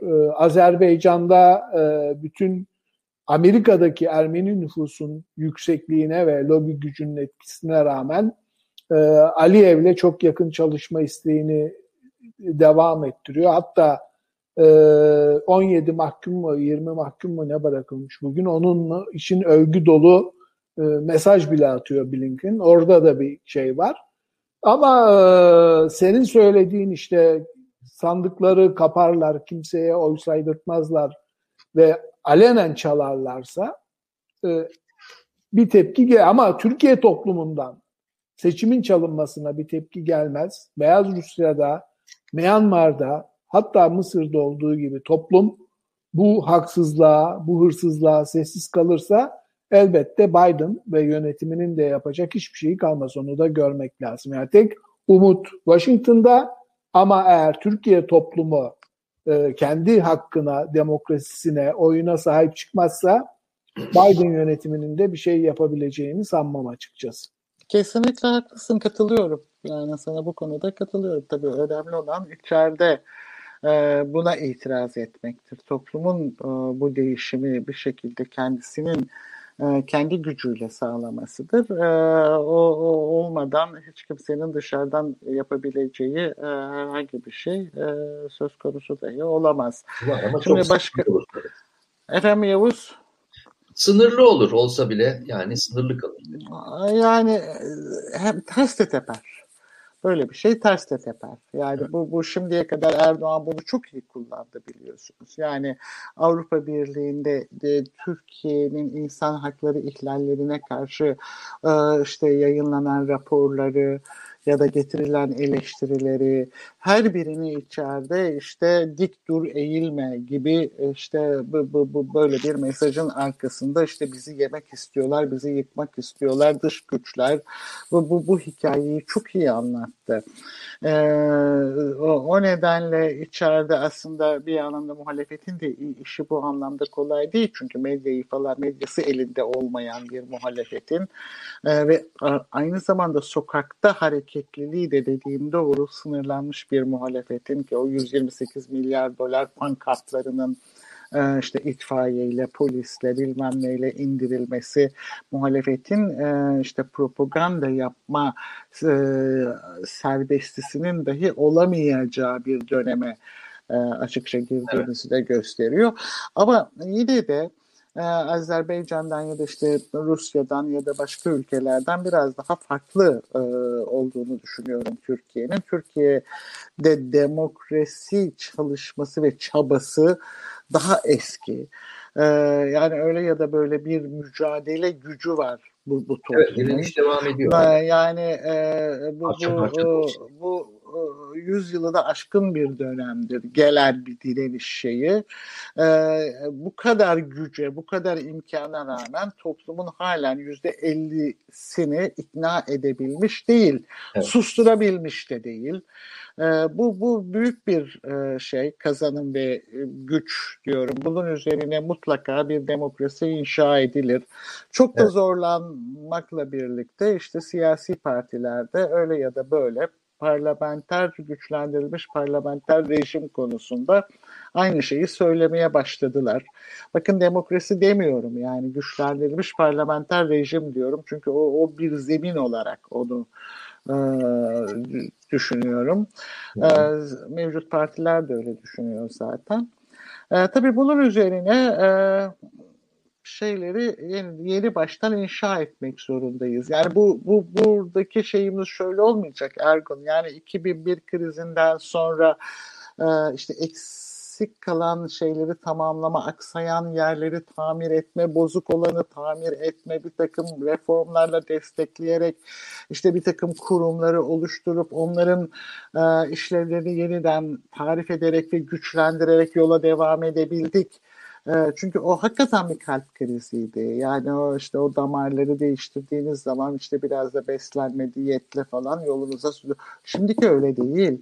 Şimdi bir takım ufak tefek ta, şeyle tadilatlarla, reformlarla, yapısal önlemleri de işte alarak falan yola devam edebileceğimiz bir Türkiye yok. Her şeye sıfırdan başlamak zorundayız.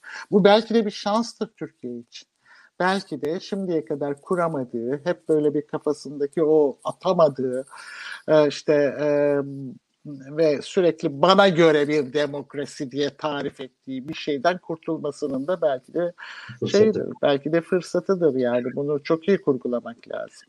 Bir e, yavaş yavaş toparlayacağız ama bir konuda merak ediyoruz tabii. E, Halkbank e, gelişmesi ne oldu ilan? Yani burada durum nedir? En son bir sessizlik ha, ürün hakim oldu ortalığa yeniden. Evet, e, yani dava hala New York Temiz Mahkemesi'nde e, neredeyse bir ay olacak e, birkaç gün sonra. E, oldukça uzun bir süre. 3 Mayıs Ortalıkta... biliyordu ama 3 Mayıs'ta e... getirdi. Şimdi 5 Mayıs. Yani bir şey de yok herhalde. Bir işaret de yok değil mi? Evet ya biraz kafa karışıklığı var e, gördüğüm kadarıyla. Bir birkaç yazı analiz yanlış yapıldı geçen hafta. E, Amerika'da şu anda süre giden bir tane Halkbank davası var ve o dava şu anda temizde. Normalde dava jürili olarak e, New York Güney bölgesinde tanıdığımız Zarrab'ı da e, Hakan Atilla'yı da yargılayan e, Richard Berman tarafından yapılacaktı. Ama Halkbank temyize götürdü. E, temyizde 3 haftadır karar vermediği için New York'taki duruşmada durduruldu. Ne zaman karar verilir bilmiyoruz. Üç kişilik bir yargıç içtihat olacak bu. Çünkü geçmişte buna benzer çok az e, yargılama yapıldı. Diğer bankalar işte Fransız e, Bankası, Alman Bankası daha öncelerde e, bu türlü buna benzeyen şekilde ambargoları dermekle suçlandığında oturup e, Amerika yönetimiyle oturdular. Cezaya razı oldular. e, ve de çok büyük pazarlık yaptılar. Çok büyük bir e, e, darbe yemeden e, yani yine 9 milyar küsür dolar gibi büyük miktarlar ödedi. Ama Halkbank gibi bu işi 7-8 yıla yayıp işte Aykan Erdemir e, bu konu hakkında önemli yazılar yazdı. 2013'teki e, Halkbank e, işte borsadaki değerinin şimdi %10-15'ine geldi. Bana da ara sıra bu arada e-mailler geliyor. E, insanlar e, biriktirdiği paraları Halkbank'ın mesela işte borsada parasına yatırmış, şu e, yatırım yapmışlar ama yıllardan beri Halkbank e, değer kaybediyor ve karşımızda şu anda hem e, o şekilde bir değer kaybı hem itibar kaybı yaşandı hem lobicilere milyonlarca dolar para ödendi, avukatlara onca para ödendi. Bu iş e, e, 7 ayda biteceğine 8 yıla uzadı ve hala karşımızda bu davanın jürili bir şekilde başlama ihtimali çok güçlü bir şekilde duruyor. E, bunu birlikte izliyoruz. Biden yönetiminin bu konuda e, geçenlerde, geçen hafta Giuliani, Trump'a çok yakın avukat, aynı zamanda Halkbank'ın da Zazar Rab'ın bir sürü avukatlığını yapan kişinin e, kendi evine, Manhattan'daki evine FBI tarafından bazı baskınlar yapıldı. Geçen hafta konuşmuştuk. E, yani e, o, o konuda da Biden bu benim işim değil. Bunu yargı istediği yere kadar götürür demişti. Daha sonra Merrick Garland geldi. E, Amerikan Adalet Bakanı olarak. Onun da aynı şekilde yaklaşımı bu iş yargı işidir. Yani Trump'tan çok daha farklı bir e, e, bir yani modern hukuk ve e, güçler ayrılığı içerisinde, sistem içerisinde olması gerekeni yeniden Amerika yaşamaya başladı. E, hep birlikte göreceğiz nasıl bir sonuç çıkacak. Ondan dolayı o sonuç e, temiz mahkemesi eğer Halkbank'ı reddederse e, bu tabii ki işte Haziran ayında NATO zirvesi öncesi e, çok önemli bir gelişme olacak. Ama tabii e, e, temiz Halkbank'ı reddetse de jürili duruşmalar ne zaman başlar pandemi koşullarında e, bu Yo, New York açılıyor bilmiyoruz. ama ya. New Burası da açılıyor, evet. Yani o yüzden duruşmanın başlamasında sakınca yok ama şimdi duruşmadaki sorulara baktığımızda işte Halkbank vergi topluyor mu, şunu yapıyor mu, bunu yapıyor mu, e, dokunulmazlıkları var mı yöneticilerinin gibi sorulardan aslında Halkbank savunmasının e, e, çok güçlü olmadığını hissedebiliyoruz yani hukuk e, nosyonu açısından ama 3 hafta sürmesi temizin bunları ciddiye aldığını gösteriyor sanki. Ee, yani bu konuda gerçekten e, tahmin etmekten başka ya bu, bu konuda bilgisi olan kimse olması mümkün değil. Üç tane yargıç işte yardımcılarıyla e, çalışanlarıyla birlikte e, karar üzerinde çalışıyorlar. Benim tek tahminim e, konuyu yakından izleyen bir uzmanla konuşmuştum geçen haftalarda. E, işte konuştuğumuz gibi bu e, bir iştihat olacak ve ilerideki davalar için dönüp e, işte böyle olmuştu. Bir yabancı ülkenin banka e, kamuya ait bankası bu şekilde yargılanmıştı diye bir iştihat olacağı için yani evet derse veya hayır derse her iki şekilde de iştihat olacağı için yargıçların biraz daha derinden baktığına dair bir tahmin, bir eğitimli bir tahmin yapabiliriz. E, ama Peki, bunun dışında... Koruma davasında şeye sormuştu mahkeme. E, Dışişleri Bakanlığı'na galiba değil mi? E, e, korumalar yargılanabilir mi, yargılanamaz mı? Evet. Babında. Burada da öyle bir ihtimal söz konusu mu yani? E, Hatırlarsak... Hazine Bakanlığı ya da Dışişleri Bakanlığı'na bir e, görüş alma süreci gerçekleşiyor olabilir mi sence? Dinleyicilere hemen hatırlatalım. 2017'nin Mayıs ayının 13-15'inde e, Erdoğan gelmiş. Trump'la görüştükten sonra e, Büyükelçi rezidansına gittiğinde, vardığında orada bulunan e, çoğu işte e, Ermeni, Kürt, Amerikalılar e, e, bir avuç yani 8-10 10 kişinin e, yüksek sesle protesto etmesi ne durduramadıkları için Erdoğan'ın korumaları ve oraya toplanmış taraftarları bunlara saldırmıştı. Daha sonra tazminat davasına dönüştü o iş. Devam ediyor. Orada Amerikan Dışişleri Bakanlığı, Amerika Adalet Bakanlığı ile birlikte e, bir görüş bildirdi yine temiz mahkemesine, Washington'da temiz mahkemesine ve de e, Erdoğan'ın korumalarının e, ve Erdoğan'ın e, o orada yapılanların protestoculara yapılan saldırıların diplomatik dokunulmazlık e, çerçevesine sokulamayacağını söylemişti. Oradan da karar bekliyoruz. Her ikisinden de temiz mahkemesi şu anda sanki Türk hükümeti aleyhine karar çıkacak gibi duruyor.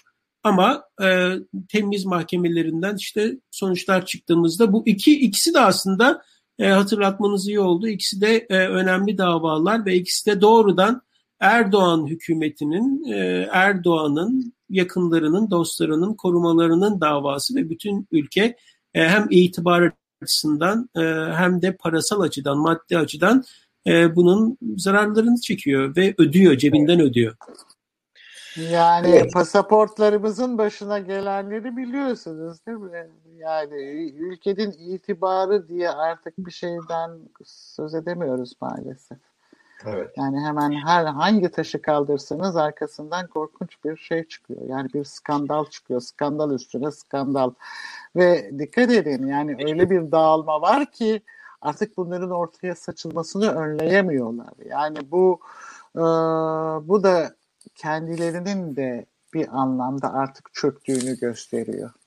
Uzattık evet. ama bir şey daha sorabilir miyim sana? Bugün Merkel'le görüştü. Ee, şimdi görüyoruz ki Almanya'da Merkel'in partisi çoğun birinci parti çıkamayacak. Yeşillerin öne geçtiği görülüyor anketlerde. Tabii daha zaman var ama yerine gelecek kişinin de Merkel kadar etkileyici olmayacağı ve toplumda da yani çok iyi iş yapıyor olsalar bile bir aynı partiden yorgunluk olduğunu görebiliriz. Yeşillerin önderliğindeki bir parti, Cem Özdemir gibi birinin Dışişleri Bakanı olmasını düşünürsek belki Türkiye ile ilişkileri e, göz önüne alarak başka bir bakanlık verirler ona ama e, Erdoğan için bir başka kara haber olacak gibi değil mi? Tabii yani Biden'dan sonra Almanya'da Merkel'in e, sonbaharda ayrılması yerine kim gelirse gelsin.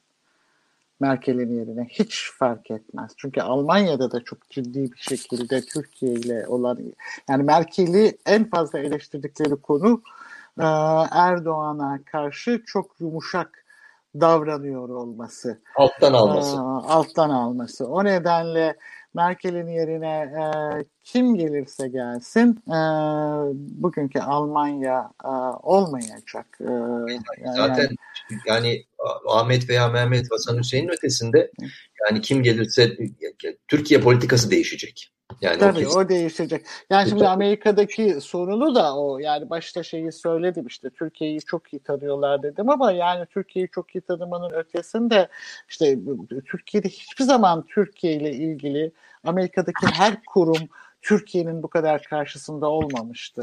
Öyle değil mi İlhan? Yani şimdi kongrenin iki kanadı da Türkiye'nin karşısında. Dışişleri Bakanlığı karşısında, Pentagon karşısında, Amerikan yönetimi karşısında. karşısında. İşte onu diyorum. İki kanadı da, iki kanadı. Cumhuriyetçisi demokrasi. Askerler de karşısında, siviller de. Pentagon karşısında, Dışişleri karşısında, Beyaz Saray karşısında ve üstüne üstlük daha önce Amerika'da sokakta Türkiye konuşulmazdı. Türkiye bilinmezdi çok fazla. Ee, bu işte e, korumaların yol açtığı olaylar vesaire nedeniyle Türkiye sokakta da konuşulur ve ko- korkulur. Özellikle Ayla Erdoğan, Ayla Erdoğan evet. Ayla Erdoğan ve böyle bir hale geldi. Yani ben hep şeyi çok hatırlar ve o da güle Bilgin Gökberk'in bir yazısı vardı. Olimpiyat ların tanıtımıyla ilgili e, işte Tokyo'dan aldığı şeyde sonra şöyle bir yazı yazmıştı. Ya kardeşim tanıtmayın Türkiye'yi. Yani yani ver, verecekler de adamlar tanıttınız vermediler. ben e, vermiyorlar diye. Şimdi bu, bu konuda öyle yani Biden yönetiminde çok iyi tanıyor tanıdığı için. Şansı yok buranın yani. evet. Bu, bu konuda iki cümle söyleyebilirsem çok sevinirim. Yani çok çok önemli bir noktaya değindiniz Nesrin Hanım. Ya burada e, 2013'ten beri bir semptom var Ankara'da. Deli dana e, dış politikası. E, her yere saldırdılar ve olun, e, bulunan bütün köprüleri yıktılar. Bir miras yedi e, manzarası var karşımızda. Bunların aynısı Amerika'da diyorsun yani. Evet, evet, evet. Amerika'da evet. Amerika'da yapıldı ve Amerika'da yapılırken 2013'ten başla, başladı bu durum malum. 2013, 14, 15 e, sırayla otonom olan e, ve çok etkili olan e, işte Amerikan Turkish Council gibi, TAİK gibi efendime söyleyeyim buradaki e, ta rahmetli Turgut Özal zamanında e, Amerika'da çok önemli e, lobi kurumları kuruldu ve bu lobi kurumları Türkiye'de hangi iktidar gelirse gelsin aşağı yukarı e, beğenirsiniz beğenmezsiniz ama belirli bir seviyede Türk e, Türkiye'nin Türk hükümetinin e, lobisini güçlü bir şekilde e, yapabildiler. Türkiye'nin her zaman bir hikayesi vardı. A, A, AKP bu hikayeyi değiştirdi biraz 2012-2013'te geldiğinde ve yine aynı şekilde 13'e kadar Türkiye'nin e, Amerika'da çok güzel bir hikayesi vardı. İşte e, ben burada baş ağrıt, evet, ağrıtıp evet. uzatmak istemiyorum. E, o hikaye e, işte e, batıya açık, demokrat, Müslüman, muhafazakar ama herkesliği geçinen vesaire vesaire. O hikaye teker teker yıkıldı ve bitirildi ve bitirilirken de itiraz eden insanlara e, çok ciddi bir şekilde izole edildi. E, Washington'da e, bütün bütün Amerikan kanallarının, e, düşünce kuruluşlarının saygı duyduğu insanlar teker teker küstürüldü. Hatta bazı diplomatlar, hala bu insanlar diplomat, e, saldırdılar e, şey e, sosyal medya üzerinden bir Türk diplomatı kalkıp Washington'daki gayet de itibarlı birkaç tane ya bu sadece bir kez olan bir kaza değil yıllardır bu saldırı yapıldı. İşte AKP'ne yakın medyaya yakın e, muhabirlerin bazıları e, aktivist rolüyle e, işte e, farklı şekillerde e, yine bu muhaliflere e, veya eleştirmenlere saldırdılar. İşte Büyükelçinin son 4-5 yıl içerisinde yaptıkları ve karşımızda Trump'ın eliyle, örtüsüyle ayakta kalan bir ilişki Trump'ın gitmesiyle o şal kaldırıldı ve karşımızda gerçekten çok e, e, e, çirkin bir ilişki var. O ilişki işte e, kongrede her iki kanadı kaybeden, bütün kurumları kaybeden, e, bakın tek bir tane milletvekili, senatörü bırakın milletvekili kalkıp e, 24 Nisan'dan ile ilgili Türk hükümetinin tarafını hiçbir şekilde savunmadılar. 10 yıllardır bu böyle değildi. E, zaten Türk-Amerikan dostluk grubu e, 130, 140, 150'lere ulaşmış. E, kongrenin en güçlü e, dostluk grubu olmuştu 2012-2013'lerde. Şimdi 70'lerde vesaire ama hiç kimsenin e, bir şey yaptığı yok. Bu arada bu hafta Ali Çınar e, bir yazı yazdı Milliyet'te. Ali Çınar ismini özellikle söylemek istiyorum. Çünkü Ali Çınar ideolojik olarak AKP'ye yakın bir isim değil ama son 6-7 yıl içerisinde AKP'ye yakın bazı kurumların başında çok önemli bazı roller oynadı. Bu hafta Milliyet'te bir yazı yazmış. O yazıda e, işte Amerika'nın farklı e, e, yerlerinde Amerikan Türk çatı kuruluşlarıyla görüşmüş ve buradaki kişiler işte neden böyle bir hezimet yaşandığını açıklamaya çalışıyorlar. Tabii kimse odanın ortasında e, 6 tonluk e, fili Fil. konuşamıyor. O filde e, AKP'nin ve Erdoğan'ın hikayesinin bitmiş olması ve dünyadan şey e, gökyüzünden böyle zembille e, şey inse yine Erdoğan'ı anlatamaz. Bunu çok iyi bildikleri halde bakıyorsunuz bu gerçek hala teşhis maalesef konulamıyor. Teşhis konulmadıkça da zaten e, hiçbir yere neşter atılamıyor. E, Büyük durum, e, bu ara... güven mektubunu sunabildi mi?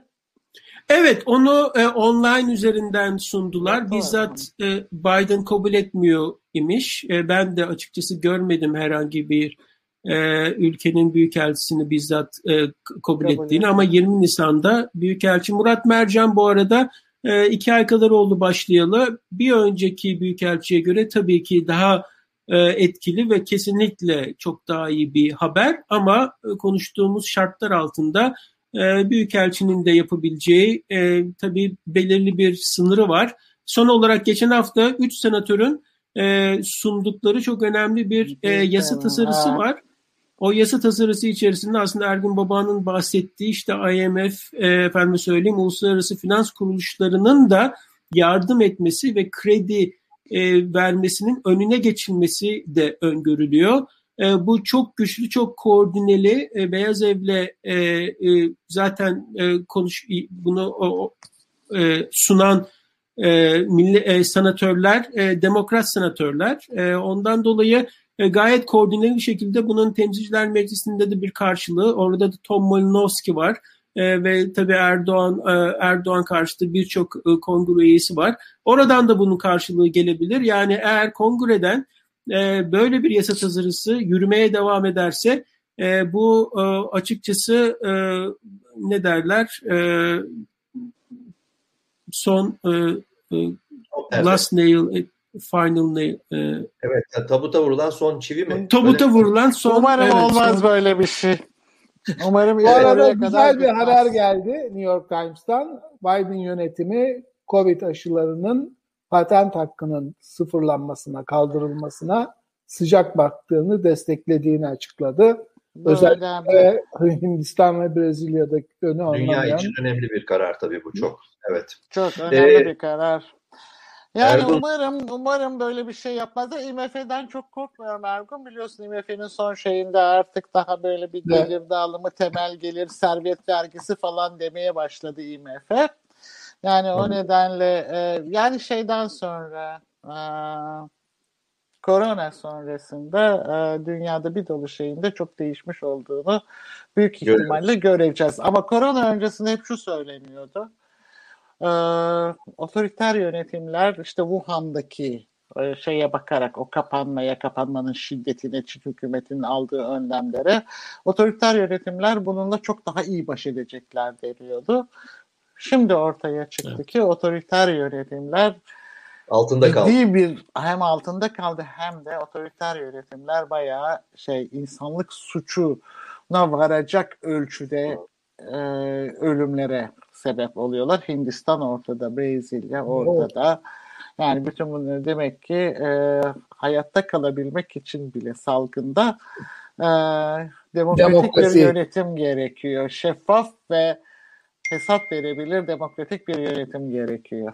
Gene de parantez açalım ama Hindistan'da bağımsız medya olduğu için kıyametleri koparıyorlar. Yani o da ölü sayısını da gizleyemiyorlar bir de yani. Yani e, e, Hindistan e, kaynıyor ve Valla Hintli arkadaşlarım var. Yani konuştuğum kadarıyla o verilen ölü sayısının günde 4000'e yakın ölü sayısının bile e, az olduğunu söylüyor. Çünkü kentin evet. hemen her yerinden e, toplu işte e, şey cesetlerin Duman. Duman, e, yakılmasının dumanlarının yükseldiğini söylüyor. O nedenle e, yani fark etmiyor işte. Brezilya neyse. Evet. Hindistan İlan, öyle. İlan'ın demin anlattığı tabii İlan e, unutmayalım e, bu e, işte diplomatların başka Amerikan önde gelen büyükelçilerini karalamasının ötesinde. E bir de tabii çok güzel bir Washington'da çok güzel bir Türk büyükelçiliği var. Yani o büyükelçiliği rezidans bir, güzel. Bir, çok güzel rezidans güzel. hakikaten. Yani o, o mesela müthiş bir avantajdır kardeşim. Adam gibi bir şey yapacaksan o rezidansın varlığı bir avantajdır. Bir en de... önemli mesaj en önemli mesaj İbrahim Kalın tarafından geçen Ağustos ayında yazılmıştı. Biden'a hitaben.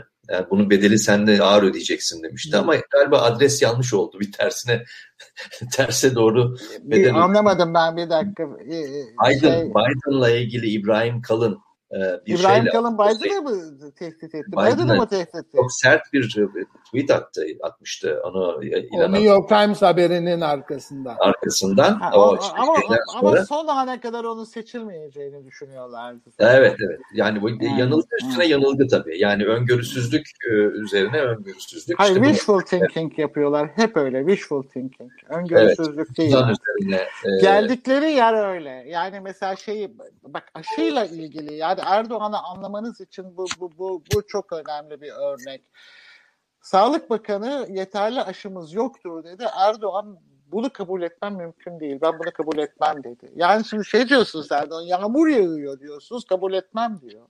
evet. Mümkün değil yağmıyor. Yani ha mümkün değil yağmıyor. Yani ama ben ıslanıyorum diyorsunuz. Yok yağmıyor diyor. Yani şimdi Erdoğan de öyle demiş ya esnafa abarttığını bu. düşünüyorum diye ama şeyi anlamıyorum yani işte her gün 6-7 kişi intihar ediyor. Esnaf ürününü döküyor. E, çay ocağını alıyor, kaldırıma atıyor falan. Bunları herhalde saray medyasını izlediği için görmüyor. Haberi olmuyor yani. Büyük yani büyük ihtimalle haberi olmuyordur.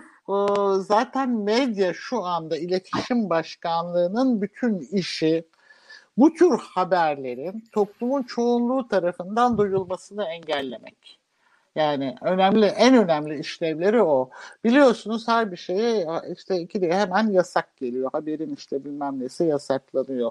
Yasağın yasağı geliyor. Yani yasak olduğunu yazmanıza da yasak geliyor. Yani araçsalış, araçsallaşmış bir yargıyla işte artık şeyle bir, bir, bir polis devletiyle e, şu anda e, idare edebildikleri yere kadar idare ede- edecekler öyle görünüyor. Ama sertleşiyor. Her evet, gün o... bir öncekinden daha da kötü oluyor. Yani şey devam edecek. Evet toparlayalım noktalayalım isterseniz ama e, son bir haberle noktalayalım. O da e, az önce işte ahvalden duyurduk. Mısır'daki görüşmeler, diplomatik temaslar. Dışişleri Bakan Yardımcısı Sedat Önal ve beraberindeki resmi heyet tabii çok e, optimist, iyimser bir heyet bu. Hemen çok yani kaynaklara göre çok hemen halledelim şu işleri filan mesajıyla gitmişler ama Mısır merkezli bir medya kuruluşu Mada Masra konuşmuş. Mısırlı e, hükümet yetkilileri kimlik vermemek kaydıyla. E, üç talep e, şimdiden kendilerine sunulmuş diyorlar. Onlardan bir tanesi Libya ile ilgili. Libya'dan birinci koşul Türkiye destekli e, cihatçıların, savaşçıların ve ve mühimmatın derhal çıkartılması. İkincisi ihvancıların Ankara'daki Müslüman kardeşler üyelerinin e, liste verilmiş. E, veya bir Onların liste. önemli bir kısmı Türk vatandaşlığına geçiyor. Evet. İşte onların, onların e, iade edilmesi, gönderilmesi yargılanıyorlar çünkü. Ve üçüncüsü Verdiği gibi geri alır ne olacak ki? Medya, e, Mısır e, e işte Mısır'a yönelik e, anti Mısır medya faaliyetlerinde durdurulması. Ancak bundan sonra bir takım adımlar belki atılabilir diye geliyor bu haberler. Ee, böyle en yani. zor kısmı Libya herhalde. Mısır acele etmek niyetinde değil. Onu, evet. onu olarak anlıyoruz. Ama hiç kimse acele etmek niyetinde değil. Çünkü kozlar artık onların elinde. Şunu çok iyi evet. biliyorlar ki Türkiye bütünüyle artık köşeye sıkıştı ve muhtaç. Hepsi bunu çok iyi biliyor. Yani evet. işte Şimdi bugün de şeyi söyleyelim. Suudi. Arabistan şeyini işte aramış ya Kadir Gecesi bilmem İşte ne. ama yani. yanlış kişiyi aramış yani. Ha. Artık prensin elinde. O da bugün ha. şeyle buluştu işte. Birleşik Arap Emirlikleri e, lideri prensiyle buluştu. İki tane bölgenin çok etkili ismi. Ve hep söylüyorum e, Suudi Arabistan Veliaht Prensi'nin Erdoğan'ı kişisel olarak affetmesi yani ilişki kurabilir, şey yapabilir ama bir güven ilişkisi kurup itibar göstermesi herhalde ancak Türkiye'nin tapusunu üstüne verirse Erdoğan mümkün olabilecek. Evet. Ama yani o, o, o da kardeşim Türkiye'de İstanbul'da büyükelçilikte adam da orada yani olacak şey değil. Ama yani, yani al beni onu... ötekine yani. evet öyle. Ee, burada noktalayalım isterseniz arkadaşlar. Ee, epey bir konuştuk. Başka eklenecek bir şey var mı? Varsa son fırsatınız, son kararınız ona göre. Valla yani işte tarihimizde hiç bu kadar köşeye sıkışmamıştık. Bu kadar yalnız kalmamıştık ve bu kadar da çaresiz hissetmemiştik kendimizi. Yani hepsini bir şekilde aşabilmek için var gücümüzle ve umuda tutunarak, umuda cesaret ederek daha doğrusu umut etmeye üstesinden Devam edelim. gelmeye çalışacağız. Ve, evet. ve, ve bütün bunlarda göz göre göre geldi. Ben dış politika açısından konuşuyorum. İç politikayı da tabii konuşulabilir ama yani dışarıda 2013'ten itibaren e, ona buna saldırıp e, kavga edilmeyen yer kalmadı. Amerika'da dahil olmak üzere göz göre göre geldi ve şimdi bunun e, acısını tabii bütün bir ülke 84 milyon insan e, ma- maalesef maliyetini karşılıyor. Kurmalar, Tabii yani kendi kendi aklımızla, kendi yeteneğimizle ve kendi bilgimizle çözme kapasitemizi bütünüyle yok etti bu. Evet. Bakalım bundan Bu yönetim. sonra devam edeceğiz. Peki Nesrin Naz çok teşekkürler. Ee, editör masasına konuk olduğun, katıldığın ve görüşlerini paylaştığın için. Arada sırada tekrar yine devam edelim bu sohbetimize. Editör masasını kapatıyoruz, kaldı, toparlıyoruz. Teşekkürler İlhan, Ergun. Ee, bir hafta sonra tabii Hepinize çok iyi akşamlar diliyorum. Bana çok iyi izleyenler izleyenler de yayın bitmeden e, like ederler, beğenirlerse ve de abone olurlarsa bundan sonraki yayınlar otomatik olarak kendilerine gider e, ve daha çok kişiye ulaşmış olur. Görüşmek üzere. Ahval podcastlerini tüm mobil telefonlarda Spotify, SoundCloud ve Spreaker üzerinden dinleyebilirsiniz. Apple iPhone kullanıcıları bize iTunes üzerinden de ulaşabilir. Türkiye'nin ve hayatın cıvıl cıvıl sesleri Ahval Podcast dizisinde. Kulağınız bizde olsun.